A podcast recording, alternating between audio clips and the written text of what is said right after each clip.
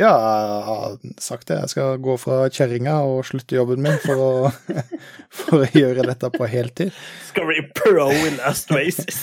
Ja, nei, eh, som sagt jeg føl-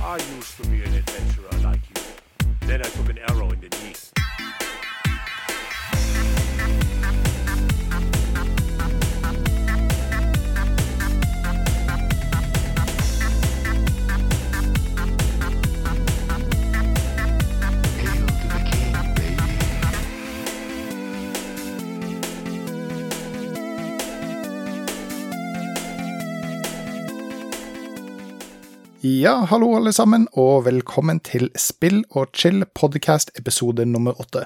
Jeg er som vanlig Bob Rob, og dette var en ølkork som gikk rett i mikrofonen. Kveldens eh, første øl, må jeg få lov å si. Og som vanlig, på andre sida av skjermen min, så har jeg Gunley. Åh, det kommer til å bli damp på den, vet du. Da, Oi, wow. Ja, det var faktisk litt bedre enn min. Jeg åpna ølkorka med snusboksen min, eh, og så fløy bare korka rett i mikrofonen, så det ble nok en litt sånn eh, kjedelig lyd akkurat der. Jeg syns det, var- det var veldig bra pop-on. Eh, hva er det de poppet? Eh, I kveld så poppet vi en lederpils. Oh. Det er en eller annen bayersk eh, øl som jeg er blitt helt stupforelska i. Den er ekstremt god.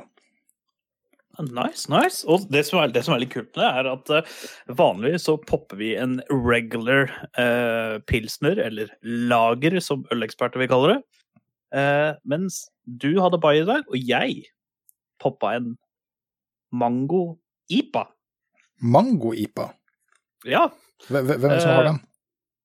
det er en fra Hansa. Det er Ja. en boks i oransje, gult og grønt. Veldig vakker. Eksotisk. Um, og jeg sa til meg sjøl når jeg så den butikken, den skal jeg aldri kjøpe. Nei, ikke sant? Uh, fordi jeg er veldig glad i IPA. Men problemet mitt er det at uh, jeg elsker mange ting. Altså yoghurt, is, uh, frozen yoghurt, drikke, smoothier, frukten i seg sjøl, eller hva du vil kalle det for noe. Jeg elsker mango. Så jeg var sånn, OK. Jeg har egentlig ikke lyst til å kjøpe det, for jeg elsker IPA, jeg elsker mango. Men det betyr ikke at det er en sammensetning som vil bli bra. Nei, nei. Men, men broderen hadde smakt den, og han sa du må kjøpe den og prøve. Ja. Jeg kjøpte den. Jeg prøvde den.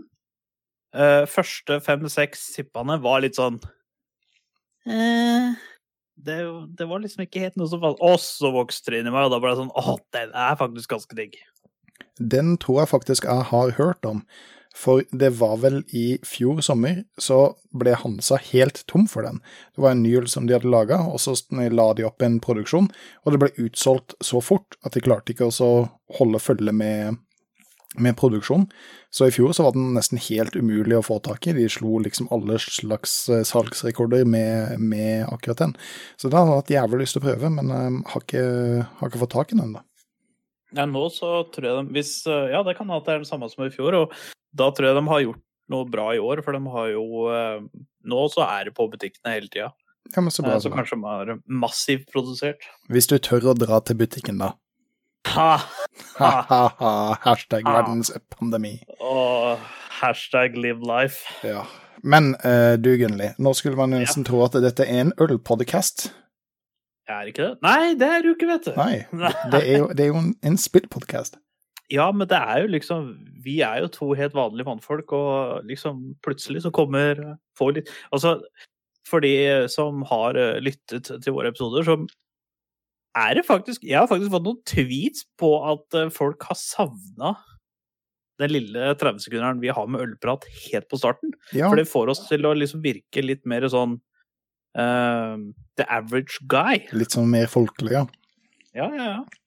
Ja, det, det forsvant en bitte liten periode akkurat der. Det var vel eh, kvaliteten på eh, casten utover kvelden etter øl nummer fire som eh, som, som ble et lite vendepunkt på meg, iallfall når jeg sitter og så på en måte styrer opptaket og alt sånt. Men eh, nei, vi, vi innfører det igjen. Vi eh, kan ikke slippe en gammel klassiker, vet du. Mm. Um, men mens vi er på gamle klassikere, eh, vi må jo bare beklage at det er kun fire uker sia vi hadde forrige episode. Ja. Eh, det har jo vært eh, litt verdens Mere verdensepidemier. Pandemier, eller hva du vil kalle det for noe, siden den tid. Det har vært påske. Mm -hmm. og vi er fortsatt nøkkelspillere i det norske samfunn. Vi får Norge til å gå rundt, for vi jobber hardcore enda. Helt klart. Og Ikke bare jobber hardcore, men jobber til og med mere timer enn vanlig average joes. jeg tror jeg var runda opp mot 60 timer i forrige uke. Å, fytti fela. Men for min del så eh, er det ikke bare det som har vært problemet. Jeg har eh, funnet meg en ny kjærlighet, Gunnli. Nei, Jo, jeg har det. men i all verden. Ja, som har rett og slett tatt all tida mi, Det bokstavelig er det verste jeg har hørt. Det er det Eh, verste jeg har s- Og som vi skal komme litt tilbake til senere. Men eh, Ja, nå er først, jeg spent. Uh, har, vi, har det skjedd noe spennende og nytt siden forrige cast? Uh, Det er jo fire uker siden vi casta sist, så jeg håper det for inderlig at det har det. Og vet du hva? Det har det! Ja. For å starte med det minst spennende. Jeg har bytta over til sommerdekk. Ja, det var faktisk ekstremt litt spennende. Det skal jeg si meg helt enig. Ja, og det var Jeg har ikke bare bytta på min bil, jeg har bytta på fattern sine biler, jeg har bytta på firma sine biler, og jeg har bytta på min egen bil. Gundlis Eh, eh, dekkhotell. Ja, nå, det er rett før det nå. At, uh, nå er det bare å investere en liten bukkert, og så kan det swappes. Mm. Uh, har spilt masse forskjellige spill. Har vært ute med uh, hun jeg driver med indirekt, direkte innsprøyting på. Eh, så vi har tura litt. Vi har prøvd litt spennende mat og drikke. Og fått med meg en del ting på denne berømte Netflix. Ja. Så det har, har eh, Påsken har jo vært litt uh, annerledes for folk flest, men eh, jeg har sett det som en fin spillpåske, rett og slett. Og det skal vi komme litt mer tilbake til, men eh, Det har vært en helt Wow. fantastisk påske. Jeg sendte eh, Jeg la ut på Instagram eh, helt tidlig i påska. Sto opp første påskedag, lå fortsatt under dyna og bare jeg tok bilde og la det ut på Instagram. Best Easter ever. for der kommer jeg til å ligge nesten hele påska. Det, det var liksom helt fantastisk. Det var ingen forventning om at jeg skulle ut eller ut og reise noe eller noe sånt. Jeg kunne bare kose meg og gjøre akkurat det som jeg hadde lyst inne, uten at noen på en måte kunne, kunne si noe på det, eller, eller guilt-trippe meg for, eh, for at jeg hadde lyst til å gjøre det. ja, liksom kona kan liksom ikke si noe at uh, nå skal vi ut og gjøre det, og da kan du bare svare «Øh, det er epidemi her. Det- Nå må vi slappe av. Ja, nå, Nå må vi nå må vi play it safe. Nå må vi være samfunnsengasjert der. og du er en nøkkelspiller i det norske samfunnet, jobber hardt, så Altså, jeg er alltid for den at man skal ikke bare man skal ikke bare holde seg i live, man skal leve litt òg. Men eh, akkurat når det gjelder eh, eh, denne koronaen, så, så er vi for nøkkelspillere til å ta altfor store sjanser. Helt klart. Eh, men i og med at det er fire uker siden vi hadde ute forrige episode, så blir jo dette en tjokka full episode eh, med, med masse, masse, masse greier. Å, vi har gjort så mye! Det er også, det bare for å nevne det, det er også derfor det er litt grann forsinka. Fordi at eh, det har kommet ut så mye, og vi har prøvd så mye. Og så er det ikke alt vi har prøvd som kommer til å bli med i denne episoden, for da, da hadde vi holdt på til neste uke. Men uh, vi har plukka ut en best of, det vi har gjort de siste fire ukene, og det er det vi skravler om i denne episoden. Ja. Uh, har du lyst til å starte deg igjen? Ja, altså, jeg kan jo nevne litt om sånn uh, Uten å utdype for mye, så kan jeg nevne hva vi har spilt.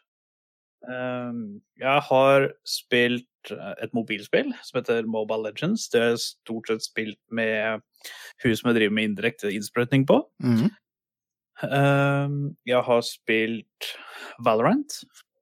Eh, jeg har spilt Call of Duty. Jeg har spilt League of Legends. Masse League of Legends. Mm. Eh, jeg har spilt Fortnite, til mange sin ekstremt store overraskelse. Ja. Og så har jeg spilt Jeg har spilt mer, skjønner du. League of Legends har du vel garantert vært innom? Ja, der har jeg vært mye. Men søren Jeg spilte et eller annet her om dagen. Hva var det? Jo, jeg har spilt mer av Two Point Hospital. Ja, ja. Eh, Det er så langt du husker fire uker tilbake, altså. Jo, det, det, det er helt klart. Men det, du snakker om Call of Duty, eh, Ja. og da regner jeg med at det er Warzone du snakker om. Ja, det er, ja, jeg har spilt både vanlig uh, multiplayer-delen og Battle Royale-delen som heter Warzone. Mhm. Eh, så jeg har, um, har vært innom litt av hvert. Jeg har også vært innom litt på Apex, men det liksom, jeg har spilt altfor lite til å kunne eh, prate om det, da. Ja, jeg skjønner. Men du, ja, du har jo spilt, du har spilt Selv om du har tilbrakt mye tid på ett spill, så har du helt sikkert vært innom noe annet òg. Jeg har jo vært eh, innom Legends of Runeterra, eh, og så har jeg og kortspill, for de som ikke har fått med seg det. Ja, eh, og så har jeg spilt Monkey Tower Defense 5. Litt for mye Ja. på mobilen sånn utover kveldinga, men det som jeg har spilt siden uka før påske, er Last Oasis, og det er det all tida mi har gått på nå. Det er min nye store, store kjærlighet, det er min mm, heroin, eh, det er nå min eh, avhengighet. Ja. Og det er bare sånn for å putte det i perspektiv, vi skulle egentlig spille denne episoden her i forrige uke, Ja. men Men når alle, alle veit åssen honeymunnen er, alle veit åssen nyforelskelsesperioden er, og da må man smi mens jernet er varmt, som det heter. Ja, helt klart. Og nå er det så mye som skjer, og det er oppdateringer hele tida. Og eh, folk lærer spillet fordi det, det kom ut uka før påske. Eh, så for, for alle sammen så er det helt nytt, helt spennende. Eh, det finnes ikke noe fasit på hvordan man spiller spillet, ikke sant. Så alle klanene og alle soloene mm, driver liksom og herjer rundt omkring for å for, for å finne ut hvordan man, eh, hvordan man skal overleve i, i disse oasene. Det, er, det ser jo veldig vakkert ut. Det um, siste Oasis-spillet. Det er det absolutt. Um, men vi skal komme litt tilbake til det senere, så kommer jeg til å prate Ja, om det i en altså- time lett. Ja, altså en kjærlighet, det kan man prate mye om. Uh, men uh, jeg så uh, spesifikke sheetsa på Eller speksa på neste generasjons konsoll. Ja. Og det er jo da Originalnavnet har jo kommet ut, det er jo PlayStation 5. Det var jo ikke noe bombe. Nei. Eh, og så er det Xbox One Series. Mm. Um, det er de to som kommer ut. Og som fjerde generasjon så er også denne gang Xbox den sterkeste konsollen. Ja. Både når det gjelder uh, CPU, GPU og RAM. Mm. Altså, det skal sies at det er ikke Den bruker veldig mye av det samme. Det er jo rein AMD-build, begge to, uh, mer eller mindre. Men det er eh, Xboxen sin versjon, den er det litt mer sprut i. Ja, det er, Eh, og, og de som har analysert det i dybda, har vel funnet ut at det på en måte skal være ganske betydelig også. Ja. eh, Eller merkbart, iallfall. Ja, det, det blir jeg, Så vidt jeg har skjønt det, så blir det litt som å ha en PC du ikke kan overklokke, mot en PC du kan overklokke. Mm, mm. Og det er jo klart at det kan jo gi veldig store utslag. Ja, ja, Sånn- helt klart. Grafikkmessig og alt det greiene der. Og det som gjør det Eh, ekstra spennende nå denne generasjonen, er jo at eh, Xboxen er bygd opp som en PC, slik som vi har eh, diskutert tidligere, eh, mens eh, PlayStation går med på en eh, på en låst konsoll, da.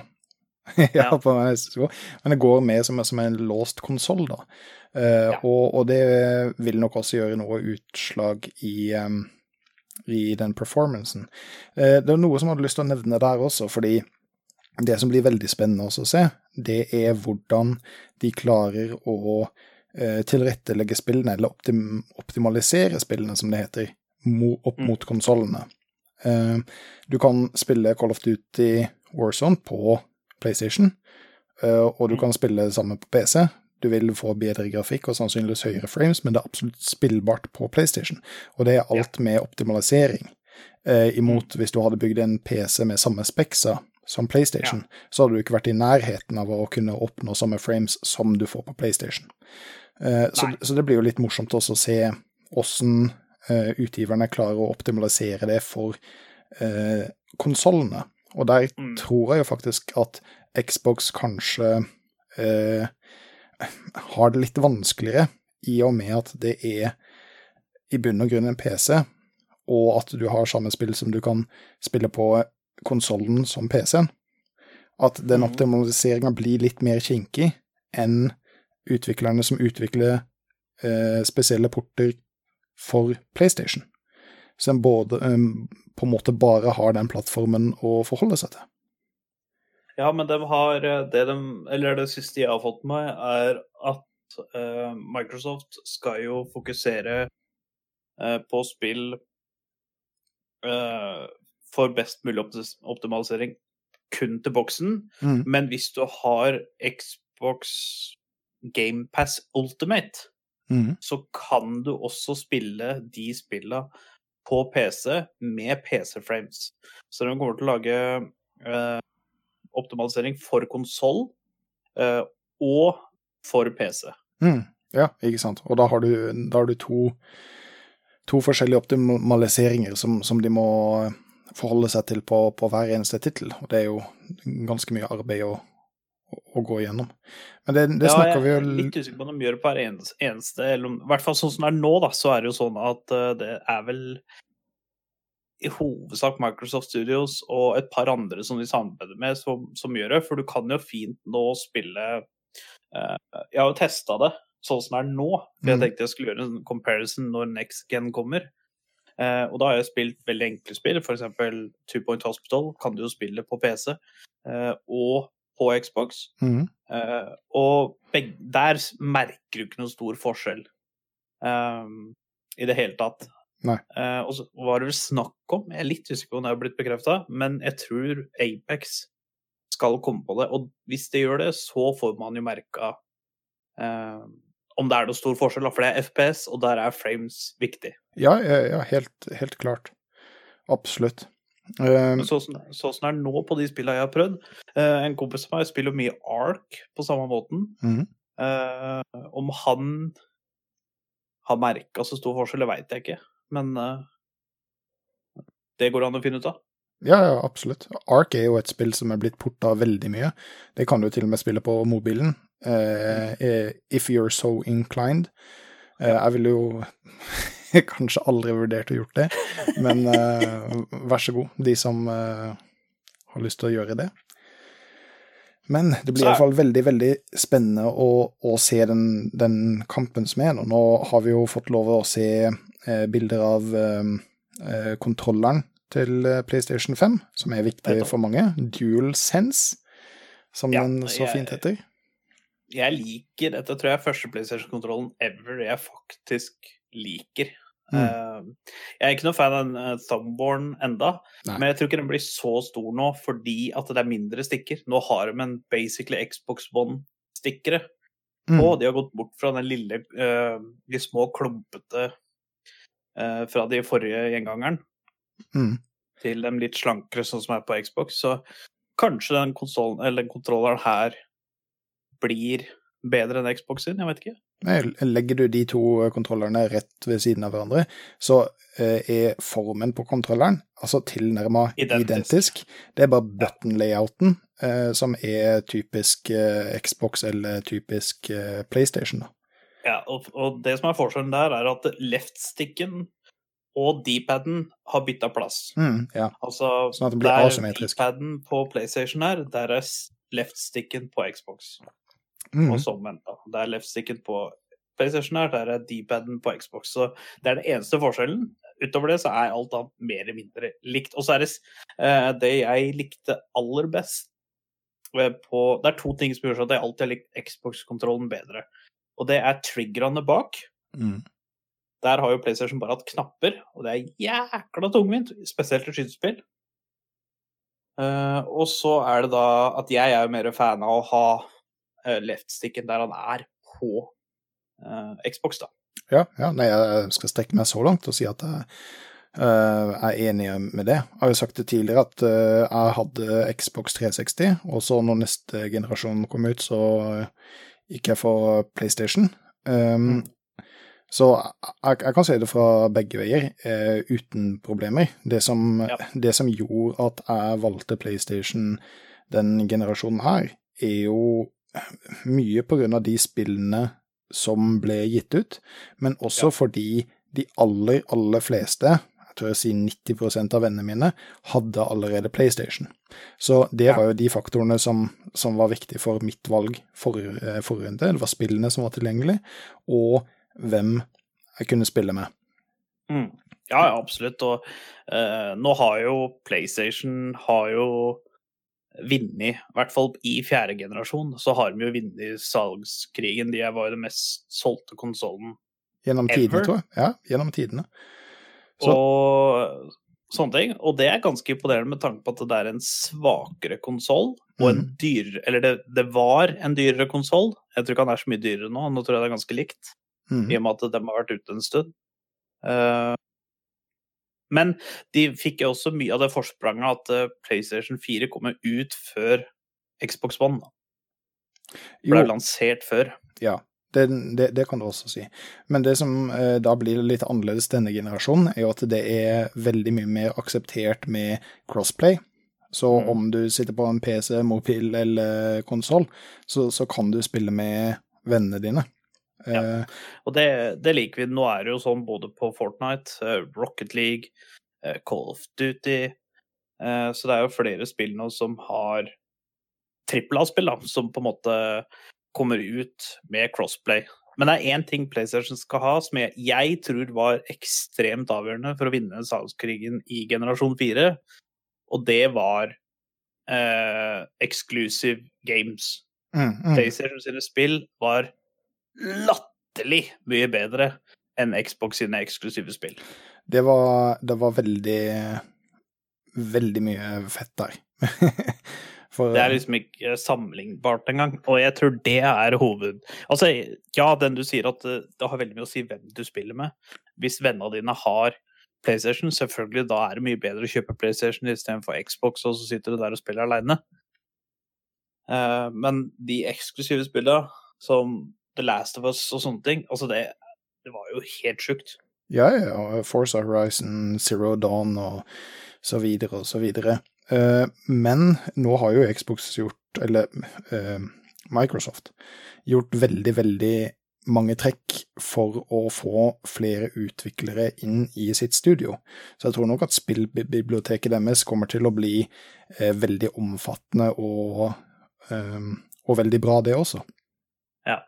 Eh, og spesielt med som vi har nevnt et par ganger nå, med at eh, med det rette abonnementet så kan du eh, spille PC-spillene dine på Xbox og så videre, så, så, så utvider det horisonten litt.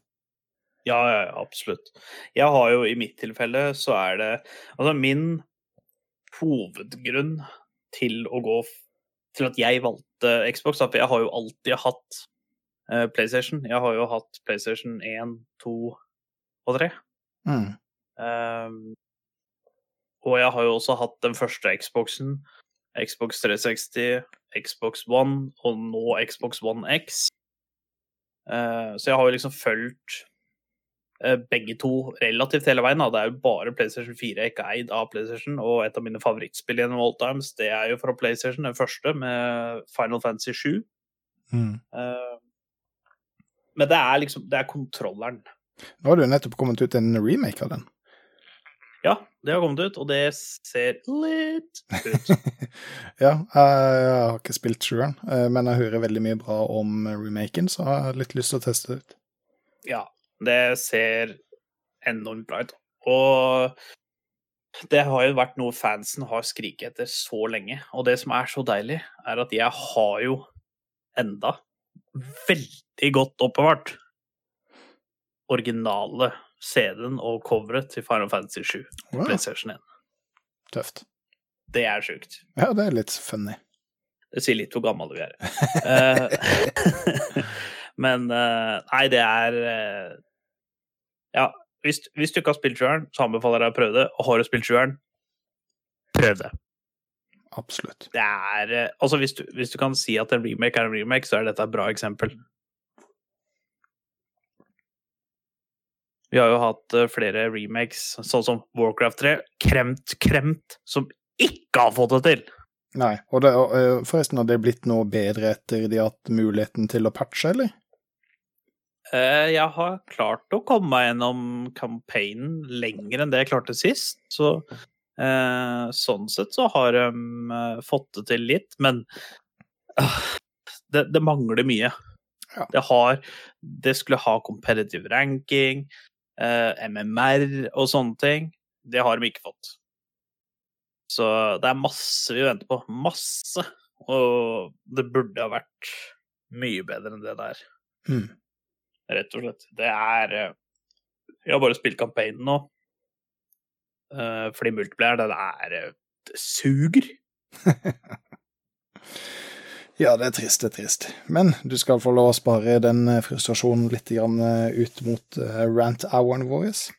Eh, tilbake til eh, Call of Duty. Kan du ikke fortelle oss litt om eh, Warzone? Jeg har ikke hatt mulighet til, til å teste det, eller valgt å ikke teste det pga. andre ting. Så ja. kan ikke du ta oss litt gjennom det?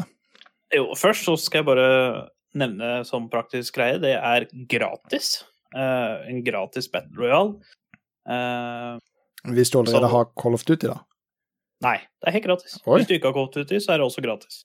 Oi, fett. Uh, men du, det er, du må jo kjøpe Call of Duty for å spille singleplayer og vanlig multiplayer, da. Uh, men for å spille kun Battle Royale-versjonen, så er det helt gratis. Oi, det er jo litt kult, da. Og det er dritkult. Og, og, Hadde det ikke vært hvor at det er jævla mange som hacker når det er gratis. Ja, ja, ikke sant, for da koster det ikke noe å få en ny karakter. Nei, ikke sant, det er akkurat det. Eh, man kan, for PC-brukere så laster du det ned på Battle, eh, Battlenet-appen mm. til Blizzard. Eh, og på konsoll så er det bare å gå innom er det PlayStation Store og Xbox Store eller hva det heter for noe, og laste det ned. Eh, Så det er eh, veldig kult at det er gratis. Jeg mener at det er the way to go eh, når det gjelder Battle Royals. At det er gratis, så skal de heller tjene penger på Battle Pass og alt det greiene der. Um, Veldig kult konsept på Battle Royale. Altså, jeg vil si at Warzone er uh, eksempler på hvor langt vi har kommet i Battle Royals Ok.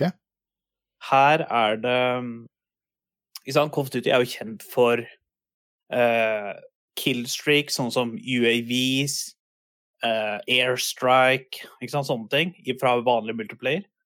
Og nå kan du I of Duty Warzone så er det bounties.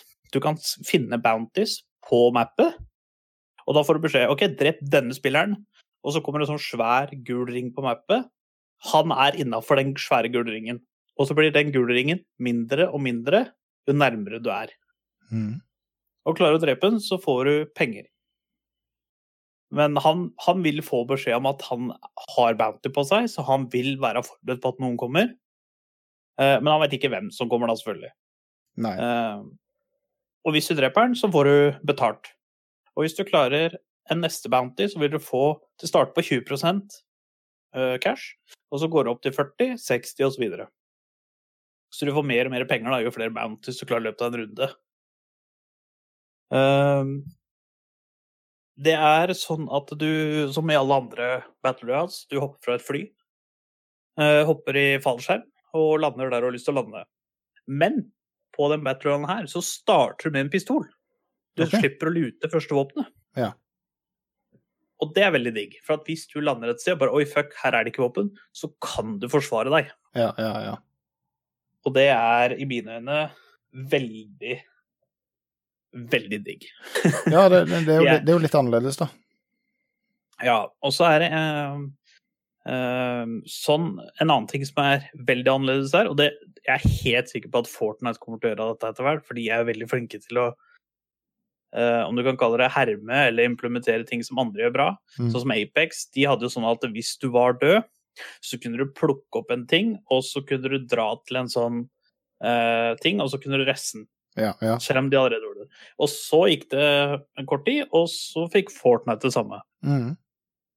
Men her er det sånn at uh, innen en viss tid, jeg tror det er de 20 første minutta i en Battle Royale Dør du første gang, så handler det i noe som heter uh, Er det gulag det heter? Litt husker jeg ikke helt i farta, selvfølgelig, men jeg tror det er gulag. Det vil si at du havner i et fengsel, uh, og så får du tildelt et våpen, og så er det deg mot en annen.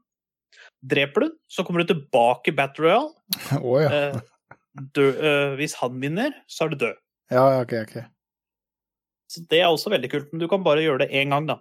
Så hvis du har daua en gang, og du vinner gulagen, og så kommer du tilbake, og så dauer du igjen seinere, da er du død. Ja. Men her kommer en annen ting. Mhm.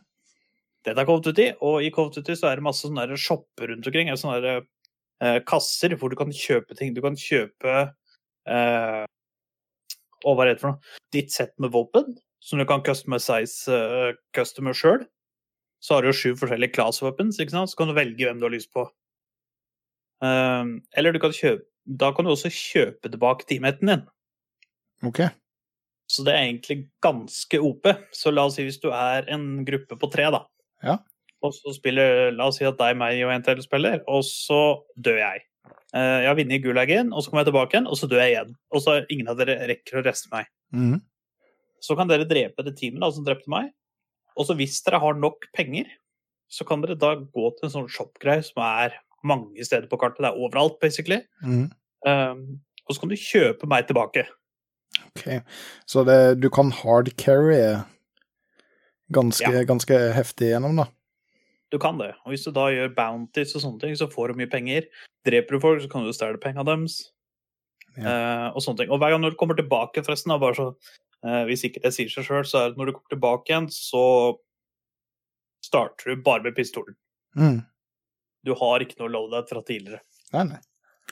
Men det, det, det Så- høres jo plutselig ut som én match kan vare relativt lang tid. Ja. Eh, det er litt, Sånn ca. 25 minutter, tenker jeg. Hvis du vinner. Å, ikke mer? Nei, 25-30, tenker jeg. Eh, noen varer jo lenger, selvfølgelig. Det, det, er jo, det er jo ganske mange spillere, for det er 200 spillere. Ja. Det er jo ikke Er det ikke det? Jo, 200. Men når, når, når halvparten av de kan reste første gang de dør innen de første 20 minuttene, og eventuelt teammates kan kjøpe tilbake en teammate Mm. Men sona blir jo mindre, og her så er det jo gass som er Det er ikke sånn som i, i PubG at du kan løpe i gassen i lang tid. Hvis du har gassmaske, ja, da kan du løpe lite grann. eh, hvis du får luta en gassmaske, men eh, eh, du overlever ikke lenge den gassen er.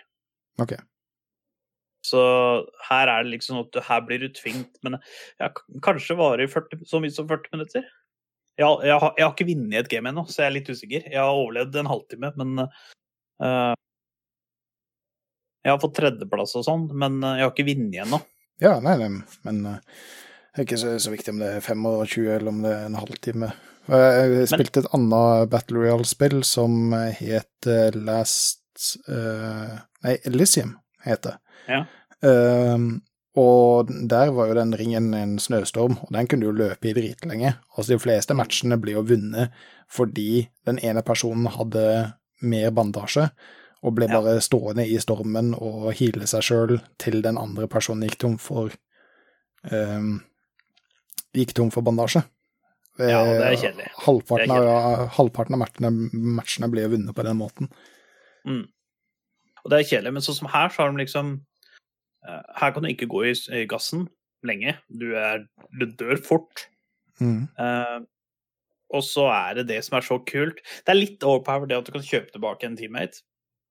Det burde vært litt dyrere, for jeg tror det er bare 4500 det koster å få en teammate tilbake. Så Og det det er ikke ikke så dyrt. Okay. Uh, men det som er litt ålreit med det, er jo det at uh, La oss si hvis vi, eh, du, jeg og en til spiller, da, og jeg dør, så er det liksom sånn at eh, da veit jeg det at jeg kan bli resta når som helst. Ja. Ikke sant? Så det eh, Du er hele tida med helt til laget ditt er helt ute, da. Og det syns jeg er litt kult, for det er, det er såpass nytt. I tillegg til at du har Hvis du har spilt Call of Duty-spill tidligere, så har du Du kan kjøpe UAV, som gjør sånn at du i en kort periode kan se enemies At det kommer sånn pulser hvor enemies er, men mer eller mindre de har kjøpt Ghost, da, som gjør så at eh, du ikke kan se dem, men den Ghosten den varer jo ikke så lenge, liksom. Nei. Um, du kan kjøpe airstrikes, du kan kjøpe uh, loadouts, du kan kjøpe uh, ja, revive og sånne ting. Så du kan kjøpe en del ting, da, armor plates. Uh, her er det ikke sånn at du har noe level 1, 2, 3 og et eller annet. Her er det Du har en skuddsikker vest, den kan du putte tre plater i. Eh, blir den ene plata borte, så kan du putte i en ny plate. Ok. Så du må, load, du må, du må liksom lute armor plates. eh, lute våpen, ammo eh, og sånne ting, da. Og penger. For penger er faktisk en, en viktig ting i spillet. Og så kan du finne heartbeat-sensor. Den er ganske broken. Hvis en person er i bevegelse, så hjertet hans slår, så, så kan du se en da, som en slags radarblink, på en måte. Ja, ja, ja. Så jeg vil si at uh, det er veldig Det viser bare hvor langt Battle Royals har kommet. ja det Fra HN, HNZT som var så simpelt, til dette som er avansert samtidig som simpelt, men så jævlig kult. ja, altså, for det, det høres ut som det er veldig mye mekanikker å spille på her. Ja, og så er det én ting som jeg tror faktisk du kommer til å like, og det er en ting som jeg likte veldig godt, fordi dette er et Battle Royale-spill hvor de har gjort map ufattelig kult. Mm. her har de på en måte Hva skal jeg si? da? Scaling av mappet er så bra. Lander du på eh, airport, så føles det ut som at du er på en airport. Mm. Det er liksom ikke Det er ikke et kjøpesenter eh, to sekunder unna. Nei. Du er på en svær fuckings airport. Mm. Lander du på stadium, ja, da er du inne i en svær arena. Det er som å stå midt inne i Ullevål. Ja. Uh, som har vært veldig flinke med å scale mappet. Er du et sted, så, så føler du at du er der. Ja. Så det er kanskje det beste. Sånn som i PubG så er det veldig mye alt og ingenmannsland. Mens her så er det spesifikke områder. Er du på Lumber, da er det bare Lumber der. Er du på Stadium, så er du på Stadium.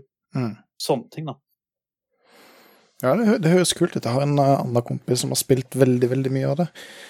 Og Ja. uh, han var borte i mm, ja, et par uker uten at vi hørte noe fra han. Og, men uh, ja.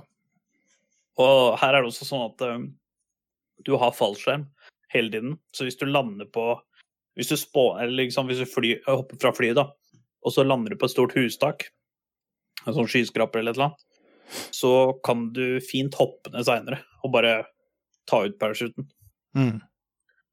Så du kan hele tida være i høyden. Og det var jo utfordrende tidlig, for da var det jævla mange folk som drev og campa roofs og sånn.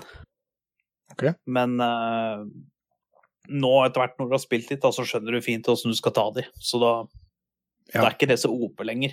Nei, nei. Eh, og så er det en ting som er veldig som anbefales å kjøpe, spesielt hvis du spiller duos og solos og sånn. Det er self-revive, som gjør sånn at hvis du blir downa, så kan du kjøpe self-revive, så du kan revive deg sjøl. Ja, OK. Det er veldig Det er et must have, spesielt i solo. Ja, ja. Og da er det jo sånn at hvis f.eks. du og jeg spiller duo, og så er jeg nede på bakken, og så skal du liksom covre meg fra et hustak, og hvis du dauer på hustaket, så har jo jeg et problem med å komme opp for å revive deg. Mm. Og da er det veldig kjekt å ha self-revive. Så du du bare kan eh, revive deg sjøl. Ja. Så, så det er eh, Jeg liker mekanikken på det. Det, det har kommet veldig mye. Mm. Uh, og det Jeg mener at dette er liksom det spillet som sier at så langt har vi kommet i Battle Royale. Ja. Og sånn Det har vært jævlig mange som har blitt tatt for å hacke i Mm. dette. Og det er jo synd, men at det er gratis, så er det alltid noen som skal eh, ødelegge med å hacke og sånn. Men det som Warzone har gjort noe som er jævla kult, er at eh, noen ganger istedenfor å banne de som cheater, så har de plassert alle cheaterne i samme lobby. Ja, det, det leste jeg faktisk. Så det var, det var liksom at de får liksom smake sin egen medisin, da. Ja. Altså, jeg, jeg, jeg- skjønner at det er noen som eh, plutselig har sittet i et møte, og så har de sagt at vet du hva vi skal gjøre med alle disse cheaterne, vi skal ta oss og sette alle sammen i samme lobby. Og så syns alle sammen at det var en kjempegod idé, og ja, det er morsomt. Eh, men det er jo folk som cheater og ødelegger spill deres. Skal de få lov å spille mer? Er det et gratis spill? Jeg mener jo at hvis, eh, hvis man skulle ha cheat, eller hvis man skulle ha virkelig straffa cheatere, og jeg posta det faktisk på Twitter i dag, eh, så bør man kunne IP-banne folk. Ja, da, men da, får du problemet at eh, det er jo relativt enkelt å bruke en VPN, og så har du ny IP-adresse, da, men Jo, At- men det gjelder for PC-brukere, da. ja. Det gjelder Altså, ikke du- for konsoll, f.eks. Men du, det er jo ingen på konsoll som sitter da, så det er veldig greit. Nei, du, du kan jo selvfølgelig kreve eh, autentifikasjon på IP-adresse, selvfølgelig, men da får du jo en del andre problemer med folk som bor i land som ikke har eh, ja, fri internett, da. Ja, At de ikke har mulighet til å være med. Nei, Jeg vet ikke hvordan man skal løse det, men jeg likte veldig godt den der at uh, har du, hvis, hvis du har blitt cheata og du har blitt reporta og de har funnet deg skyldig, så tar de ikke og banner deg. De plasserer deg kun i lobbyer med andre cheatere. Ja. Så at det eneste måten de får spill på, det er mot andre cheatere. Um, det syns jeg var veldig kult. Um, så det liker jeg. Men uh, hvis, hvis du er en person som hører på podkasten nå, og du er frustrert over cheaterne, så har jeg en løsning for deg. Og det er at hvis du spiller med en kamerat uh, eller venninne, eller begge deler, um, og en av de spiller på konsoll, så la den på personen på konsoll hoste gamet, eller invite deg til party. Fordi at da vil du komme inn i en lobby som er konsollholdt, og da vil de fleste du spiller mot, uh, mest sannsynlig sitte på konsoll, og da vil det ikke være cheatere der. Det er klart, men da er jo plutselig du en cheater som sitter med mus og tastatur. Ja, men du, du spiller jo på mye dårligere server, da. Ja, ja, vil jeg tro, for det er jo færre frames, og så har du ikke aim assist og sånne ting som konsollspillere har. Mm. sånne ting. Så, og så er det jo det at de som spiller på konsoll, er som regel veldig gode på konsoll. Og ikke bare det, men uh, Call of Duty Warzone er skill-based matchmaking. Ja. Så hvis du har spilt litt og spilt over tid, og de veit hvordan du spiller, så vil du havne med folk på ditt nivå. Mm, mm.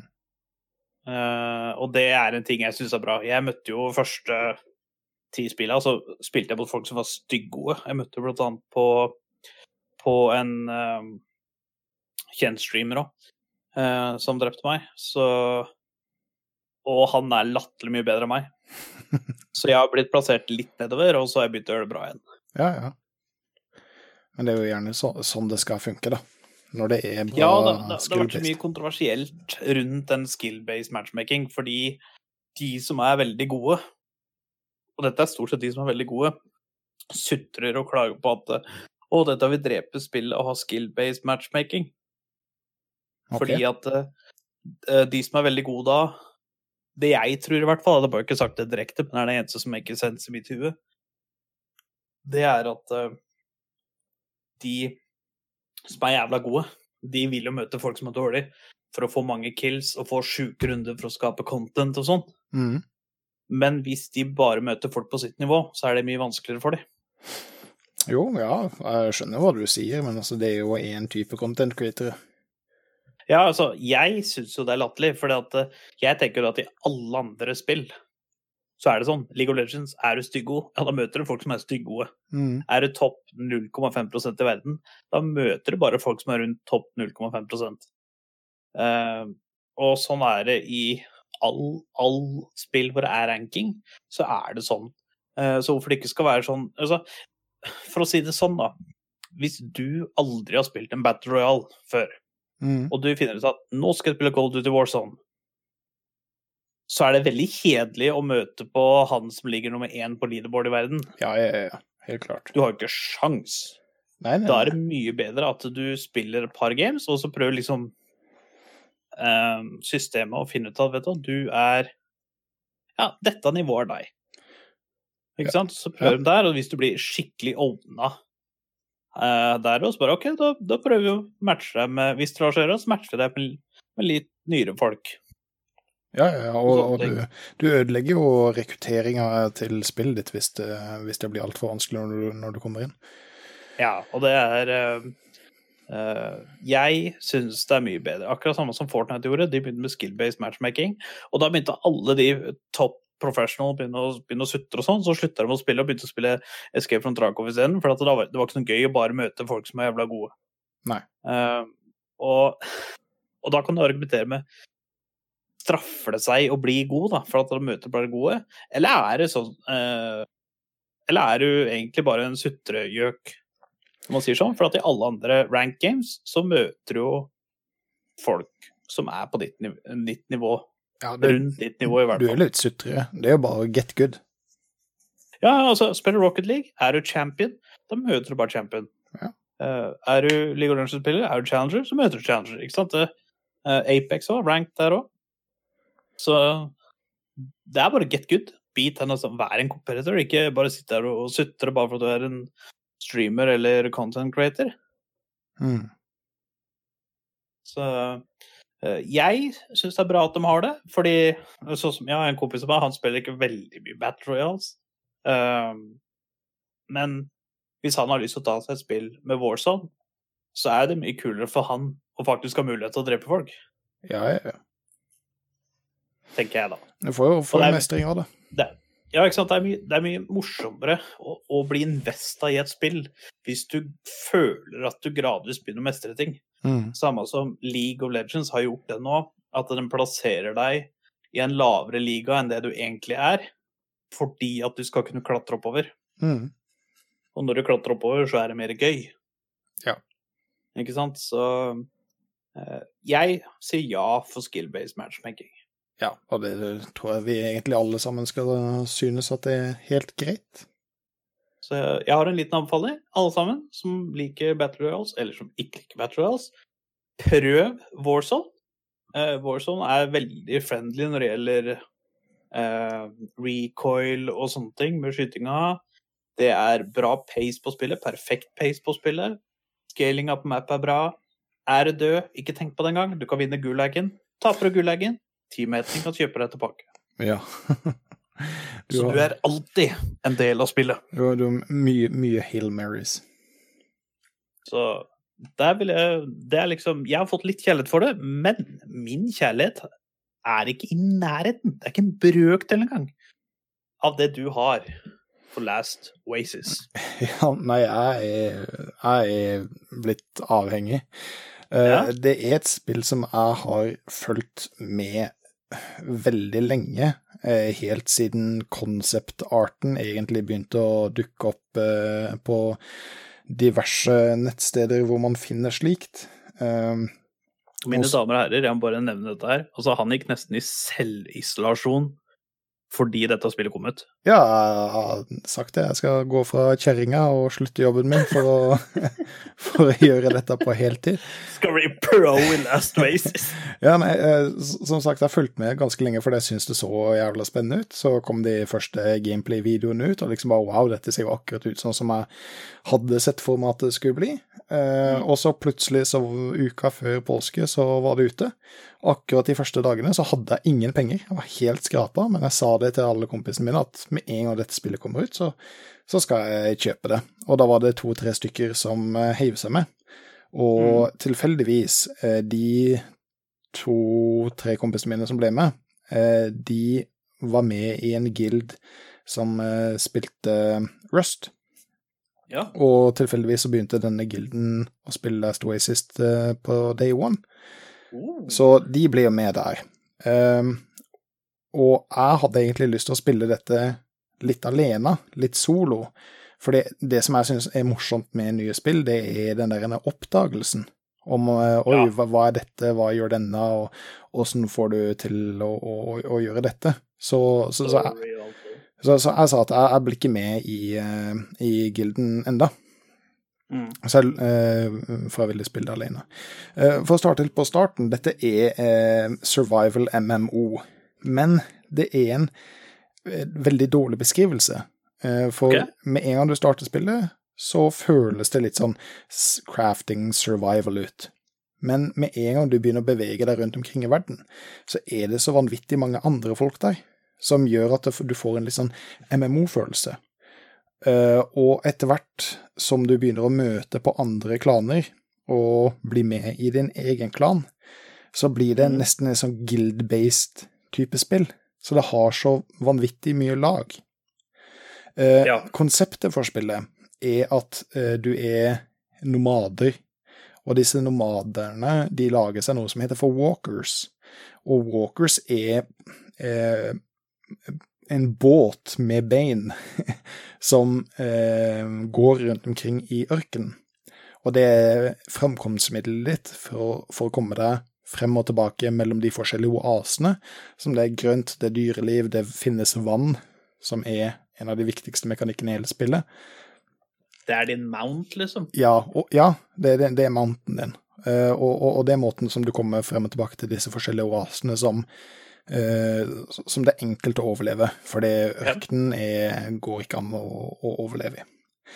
Eh, Mm. Det som gjør det enda dypere, da, det er at alle disse oasene er én egen server. Og du kan reise mellom alle disse forskjellige serverne med er walkeren din. Ja, så du har et enormt map. Du, du har, eh, jeg har, jeg har ikke lest på det, men la oss si at det er 50 servere. Det kan Mm. godt hende at det er mer, og det kan godt hende at det er mindre. Men det er iallfall vanvittig mange servere. Og Mm. jeg kan finne ut at jeg har farma alt sammen som er på serveren min, eller kanskje det er for mange hostiles på serveren min, eller kanskje eh, serveren min er på en måte dårlig plassert strategisk i forhold til sånn som mappet ser ut. Så kan jeg ta så bare reise over til neste server og møte helt andre folk, møte helt andre klaner. Det er et helt annet eh, layout på mappet, eh, og det finnes andre ressurser der som jeg er trenger for å, for å eh, bygge bedre armor, bedre våpen, eh, eller andre walkere. For foreløpig så er det ganske mange walkere ut. Ute. Ut. Mm. Mange walkere ut. Det er mange walkere ute. og det er også viktig å si ja, og det, det, er også viktig å si at dette er et eh, early access-spill, og de kaller det vel sjøl for en pre-alfa, men den er åpen for alle sammen. Og Det det er er veldig lett å glemme at det er en pre-alfa. Ja, for det ser jo vanvittig vakkert ut av det jeg har sett på stream og sånn. Jeg har sittet og sett et par timer på stream, og det ser jo, det ser jo så vellagd og ferdig ut. Så jeg skjønner jo på en måte hvorfor det er veldig lett å på en måte glemme det, da. Ja, for spillet er spillbart. Og det er såpass spillbart at det er veldig lett å glemme at dette er early access. Så det, Mm. det eneste negativt som jeg hører eller ikke det, det som jeg hører mest negativt om Last Oasis, Ja. er at spillet virker uferdig. Og da begynner jeg å le. Fordi ja, det er det. Per definisjon. Så er, ja, det er per definisjon så er det uferdig, men vi får lov til å spille det. Uh, og og uh, det er så ferdig at folk på en måte glemmer at det er early access. Uh, Men jeg, jeg tror det at hvis, hvis du betaler for et spill, så tror jeg det er ekstremt lett å glemme at det er pre-alfa. ja, ja, ja. Helt klart, og det har vi jo snakka litt om. jeg, tror det, jeg tror det på en måte der fella ligger, at hvis du skal spille et alfa, early access eller et eller annet sånt, så bør det på en måte være gratis. Og når spillet blir lansert, så må du paye for det. Ja. Det, det var jo på en måte gamlemåten å gjøre det på, men uh, i Ja. disse dager med hvor alt har blitt lansert i beta og uh, access og closed alpha og åpen beta osv. osv.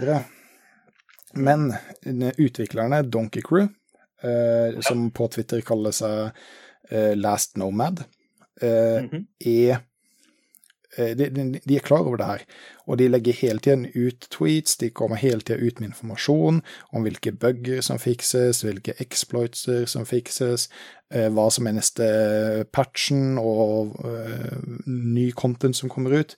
For eh, nå har jeg 100 timer i, dette spillet eh, allerede. Og det er fortsatt masse å gjøre. Det er ikke sånn at jeg går rundt omkring og tenker å, nå må jeg gjøre dette igjen. Det er hele tiden noe nytt og spennende. Jeg har ikke sett alle layoutene på alle oasene. Uh, og fortsatt så sitter jeg hele tida og leser de her tweetsa og leser på Reddit om, om forskjellige ting som fortsatt er planlagt altså, å komme ut. Uh, mm. Det er, uh, hvis jeg skal telle veldig fort over uten å telle altfor feil, så er det sikkert ti walkers som allerede er ute, og det er fortsatt planlagt at det skal komme ja, ja, at det er planlagt å komme enda flere walkers. Så du Mm. bygger liksom walkers og lager walkers etter hva som er formålet. Skal du krige? Skal du farme? Skal du eksplorere? Skal du Transportere. transportere? Ja, ikke sant? Så, så, har eh, hver walker sin, eh, sin gitte rolle, da. Eller skal du PV... det liker jeg veldig, for sånn som i Vov og Ja, nå, nå kan jeg bare si WoW, da, for det er det jeg er mest kjent med, men der er det jo sånn at eh, der har du bare forskjellige mounts bare for å samle på de, men de Ja. gjør jo akkurat det samme. Ja, ikke sant. Men, men det de gjør det ikke her. Skal du ha en walker for å eh, angripe en, eh, en serverboss? Fordi eh, du eh, kan dele opp serverne i easy maps, medium maps og hard maps. Easy maps er for de som nettopp har joina gamet, og kan på en måte få lov å holde seg der trygt mens de lærer mekanikkene til spillet. Det er kult. Det er riktig. ja, ja, ikke sant. Og når du da har reist til et medium map, så kan du ikke reise tilbake til easy mappet og smurfe. Det er ikke lov. nei. Så uh, når du er på medium appsa, som på en måte har veldig mye ressurser uh, og, og en behagelig levetilstand, da, så kan Ja. du velge å reise over til hard mapsa for å farme uh, enkelte ressurser som ikke er mulig å få tak i på medium appsa. Men Mhm. på disse hard mapsa, da, så har du en eh, serverboss. Og foreløpig så er det en enorm jævla krabbe som driver og krabber over fjellene. Og eh, når den da får aggro på deg fordi du kommer for nært, så løper den nå jævlig fort og bare kommer dundrende imot deg, knuser deg og skipet ditt, og du er død. Mm. Eh, det går selvfølgelig an å begynne å slåss mot disse. Eh, det gjør man ikke alene, det gjør man gjerne som en klan. Og med en klan som har veldig gode walkers, og da kan du liksom bygge, om, eh, bygge walkers som er bedre egnet til å eh, fighte disse, eh, disse map-bossene. Og etter hvert så kommer det til å være flere map-bosser og osv. osv. Jeg har litt lyst til å prate om en, altså det som på en måte trigger meg mest med dette spillet nå.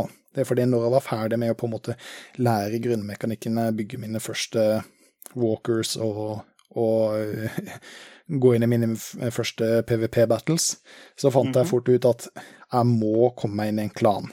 For det er ikke å legge under en stol at det er et klanbasert spill. Og klanen som jeg er med i, det er Vikings V3, og det er en kjempeflott klan. Vanvittig mye hyggelige folk. Veldig mye fra Norden, selvfølgelig, men også nede i Spania og Russland osv. osv. Og og det er et helt nytt aspekt av spillet, å ha på en måte den tilhørigheten til den her klanen og den samhandlinga med klanen.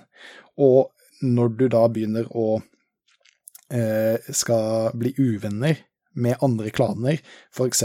over territorier med hard maps, eller rett og slett bare fordi eh, en større klan ser at klanen din holder på å vokse, og kan etter hvert eh, være en trussel for, mm.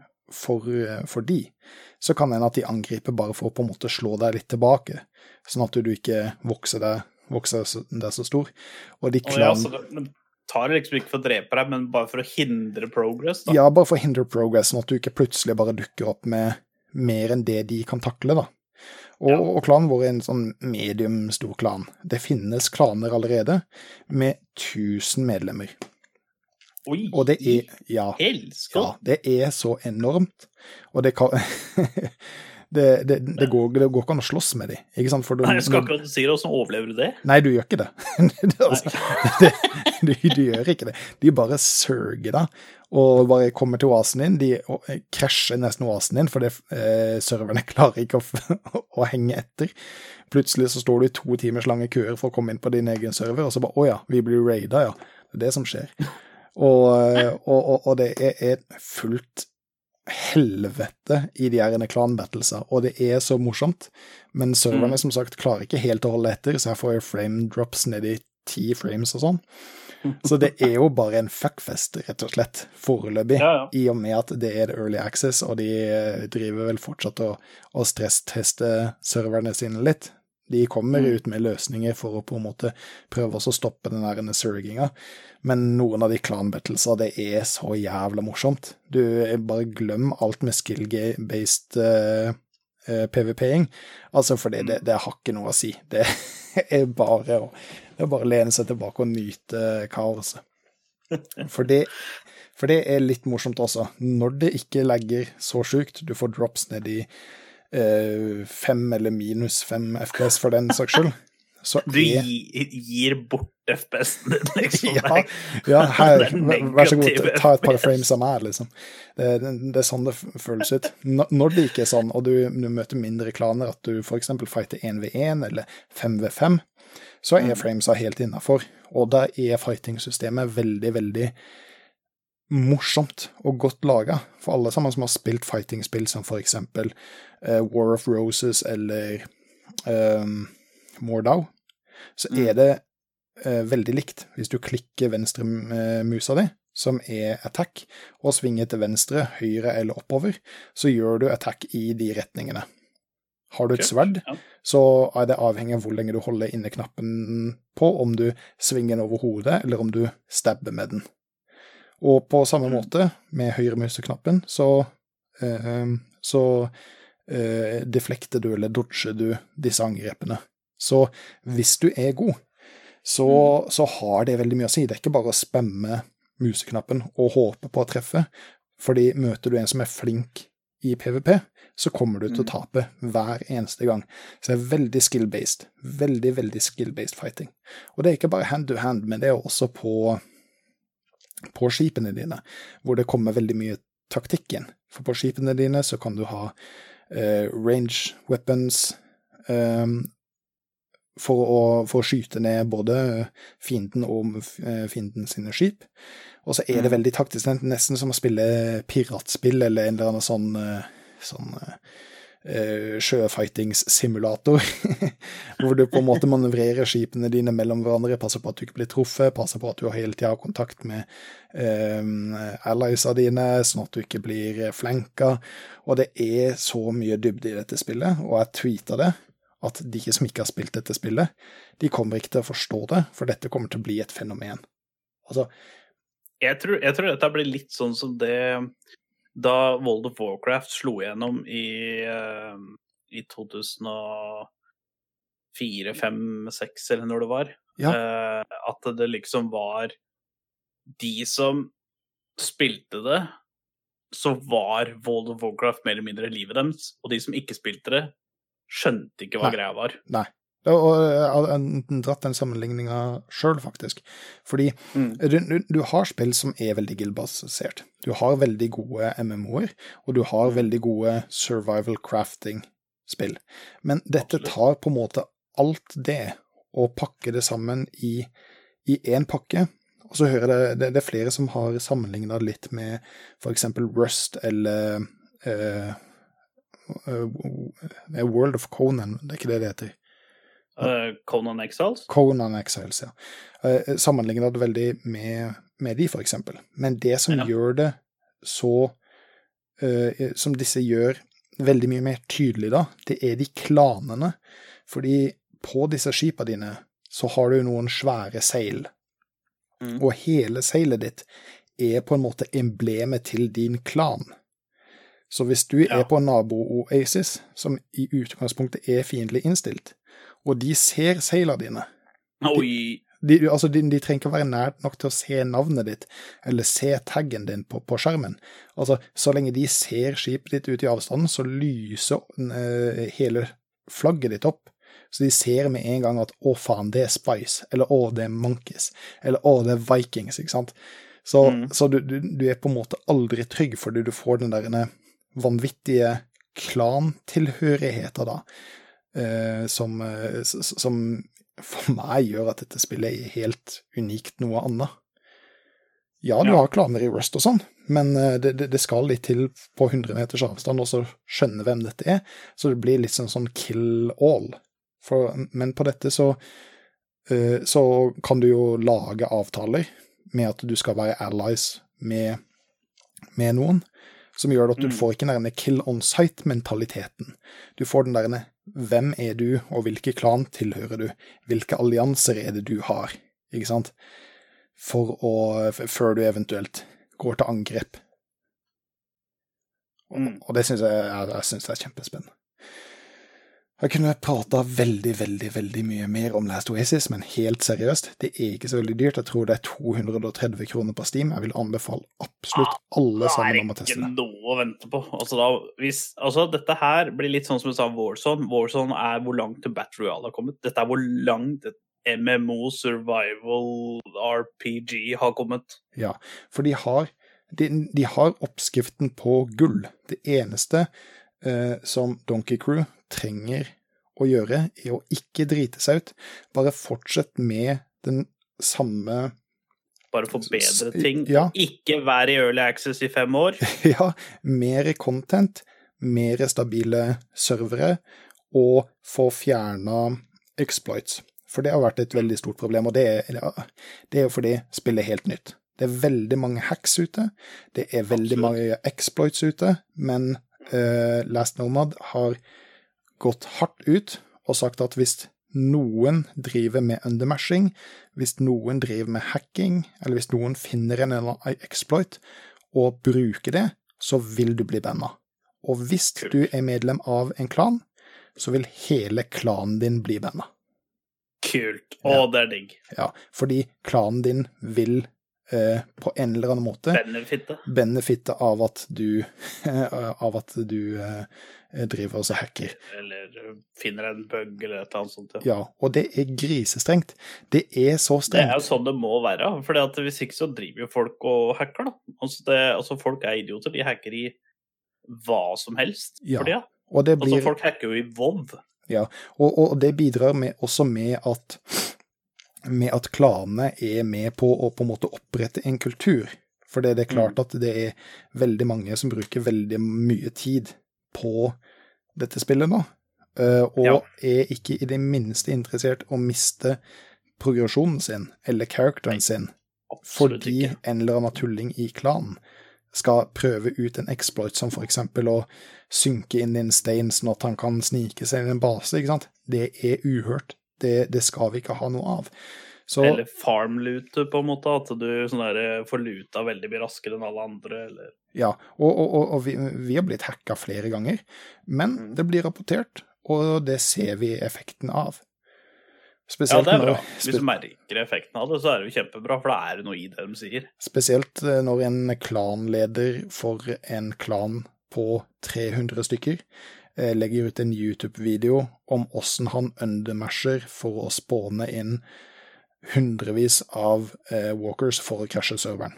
Da begynner, da begynner vi å le litt. Da blir det litt sånn Hva i all verden er det du tenker på? Du legger det sjøl ut på YouTube. Du blir jo Altså, alle de 300 spillerne dine nå må jo enten lage et nytt klan, eller Ja. Ja. da jo heller Da må du lage en ny Steam-konto, da, fordi dette er kjøpt gjennom Steam, gjør det ikke det? Det er jo den eneste måten du får spill på, er gjennom Steam, og hvis du da blir hacka, så får du ikke spilt gjennom den Steam-kontoen. Nei, nei, nei. Så det er, det er veldig hardt. Det er veldig strengt. Men jeg Det er bra, da. jeg, jeg, jeg tror det er måten de må gjøre det på for at dette skal ha underholdningsverdi i flere år fremover for de som, eh, som setter pris på spillet. Mm. Så um, uh, Jo, det var det jeg skulle si. Løp og kjøp spillet, og, og, og sett i gang. Det er mange som sier at du kan ikke spille solo, eller du kan ikke spille mindre grupper fordi det er så klanbasert, men absolutt, det kan du gjøre. Du kan, du kan, du kan sikkert ha 100 timer i spillet og spille solo. Du kan aldri være med i dere massive klan-battlesa. Eh, det, det, det vil du på en måte ikke få muligheten til, med mindre du vil skape noen allianser, noen venner innenfor en klan, eller til slutt bli med en klan. Men det finnes masse informasjon på nettet, det er masse in game som hele tida søker etter nye medlemmer, eh, og er du bare rett og slett en ålreit dude og møter på en klan og begynner å prate litt med dem, så er det veldig fort at du blir invita. For hvis du er hyggelig med dem, så vil de kanskje gjerne ha deg med til å være med og spille i klan, ikke sant. Og så er jo Boblob representant av Spill og chill, så hvis du har hørt på dette og begynner å spille det, så er det bare å hitte opp Boblob på Discord, så kanskje du kan spille med han. Så skal vi se hva vi klarer å få til, vet du. Ikke sant? Det, det ser man, vet du. Det kalles bra rekruttering. Ja. Og, og det, det var det. Bare gå og se på noen YouTube-videoer. Altså, hvis ikke dette, hvis ikke dette kiler deg Twitch.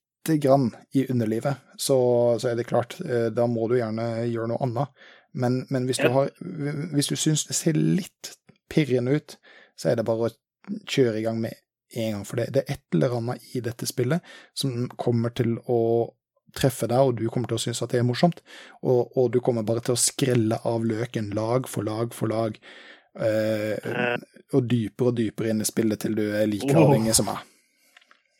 Ja, men det er vakkert. Eh, vi har jo prata litt om eh, sånn eh, i våre svære headquarters til Spill og Chill, eh, at vi har jo vurdert å livestreame litt på Twitch. Og dette kan jo absolutt være en av spillene som bør livestreames. Ja, absolutt. Det, Så det, det hadde faktisk vært noe og, altså Vi sier ikke at vi kommer til å gjøre det med det første, men vi kommer til å gjøre det. Eh, etter hvert som serverne blir mer stabile, og folk får Mhm. mer øya oppå eh, for dette, så kommer dette til å bli et enormt streamespill. Ja, det, tror jeg på. Ja, det, det, det, det, det Jeg spår at i løpet av de seks neste månedene så vil Last Oasis være most streamed på Twitch. Ok, jeg, jeg vil ikke gå så langt, men at de vil være på topp ti, det tror jeg på. Det vil være mest streamed på Twitch. Ja.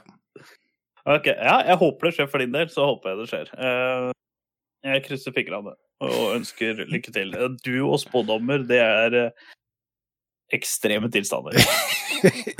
Det har du kan til. si. Det, referanse, episode fem, når vi hadde vår enormt vakre Polikana som gjest. Mhm.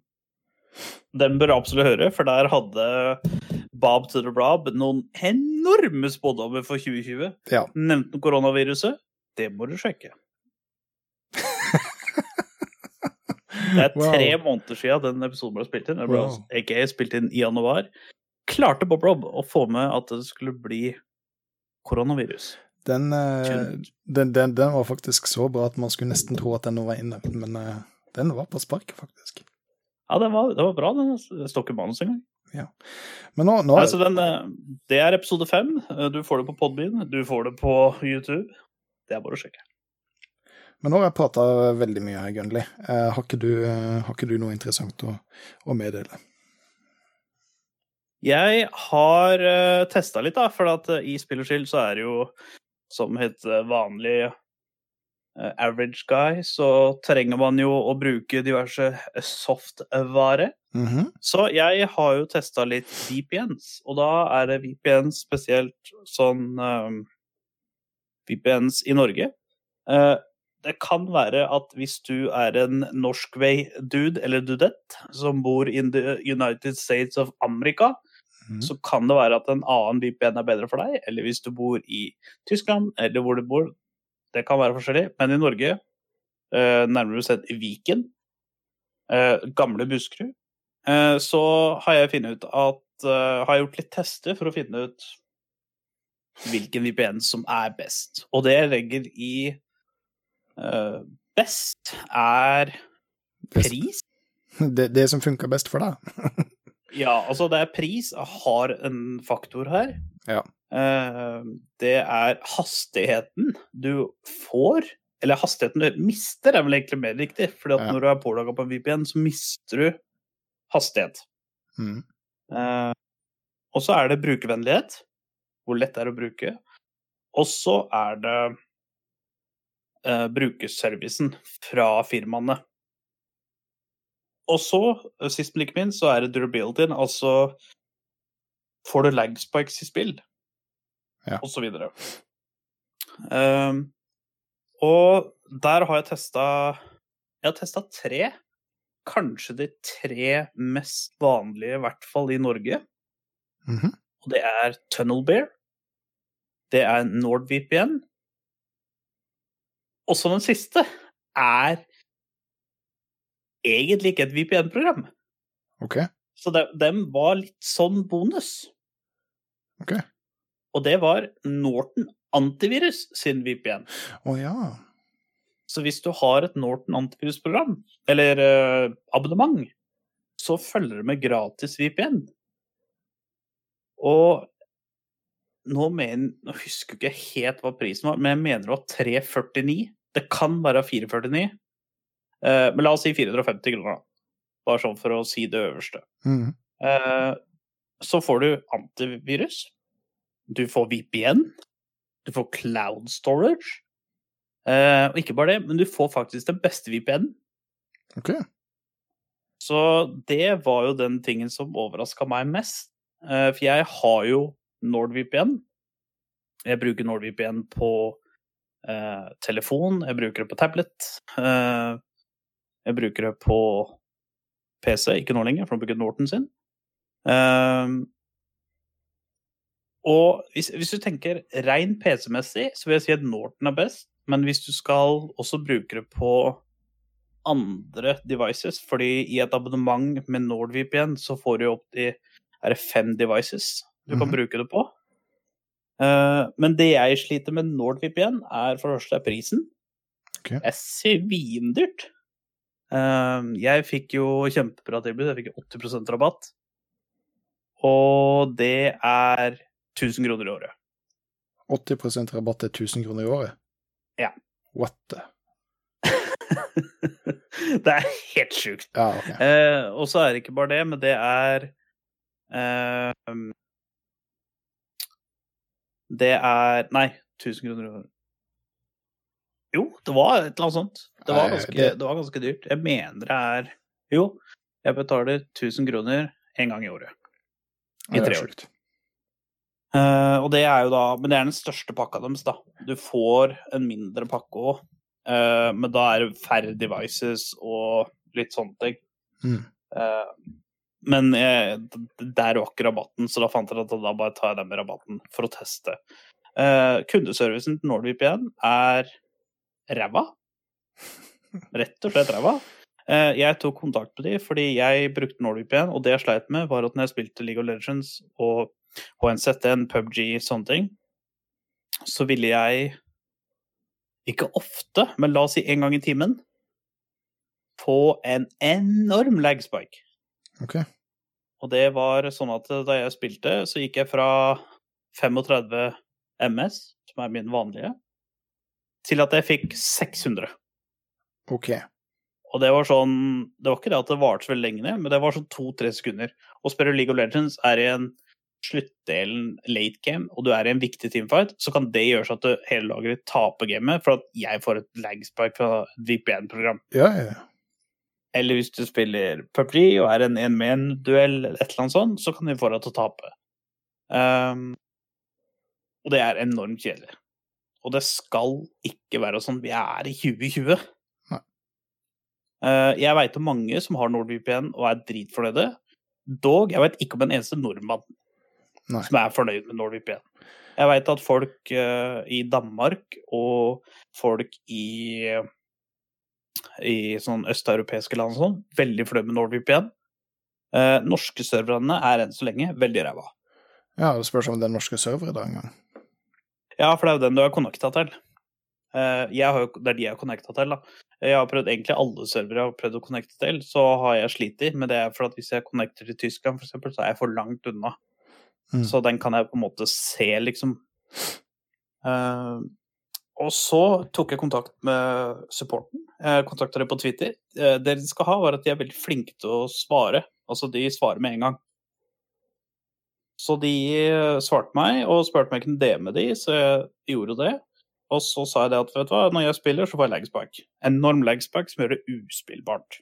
Mm. Og de sa da OK, gjør dette, gjør dette. Jeg gjorde alt det de sa. Ingenting funka. Nei. Det funker rett og slett ikke.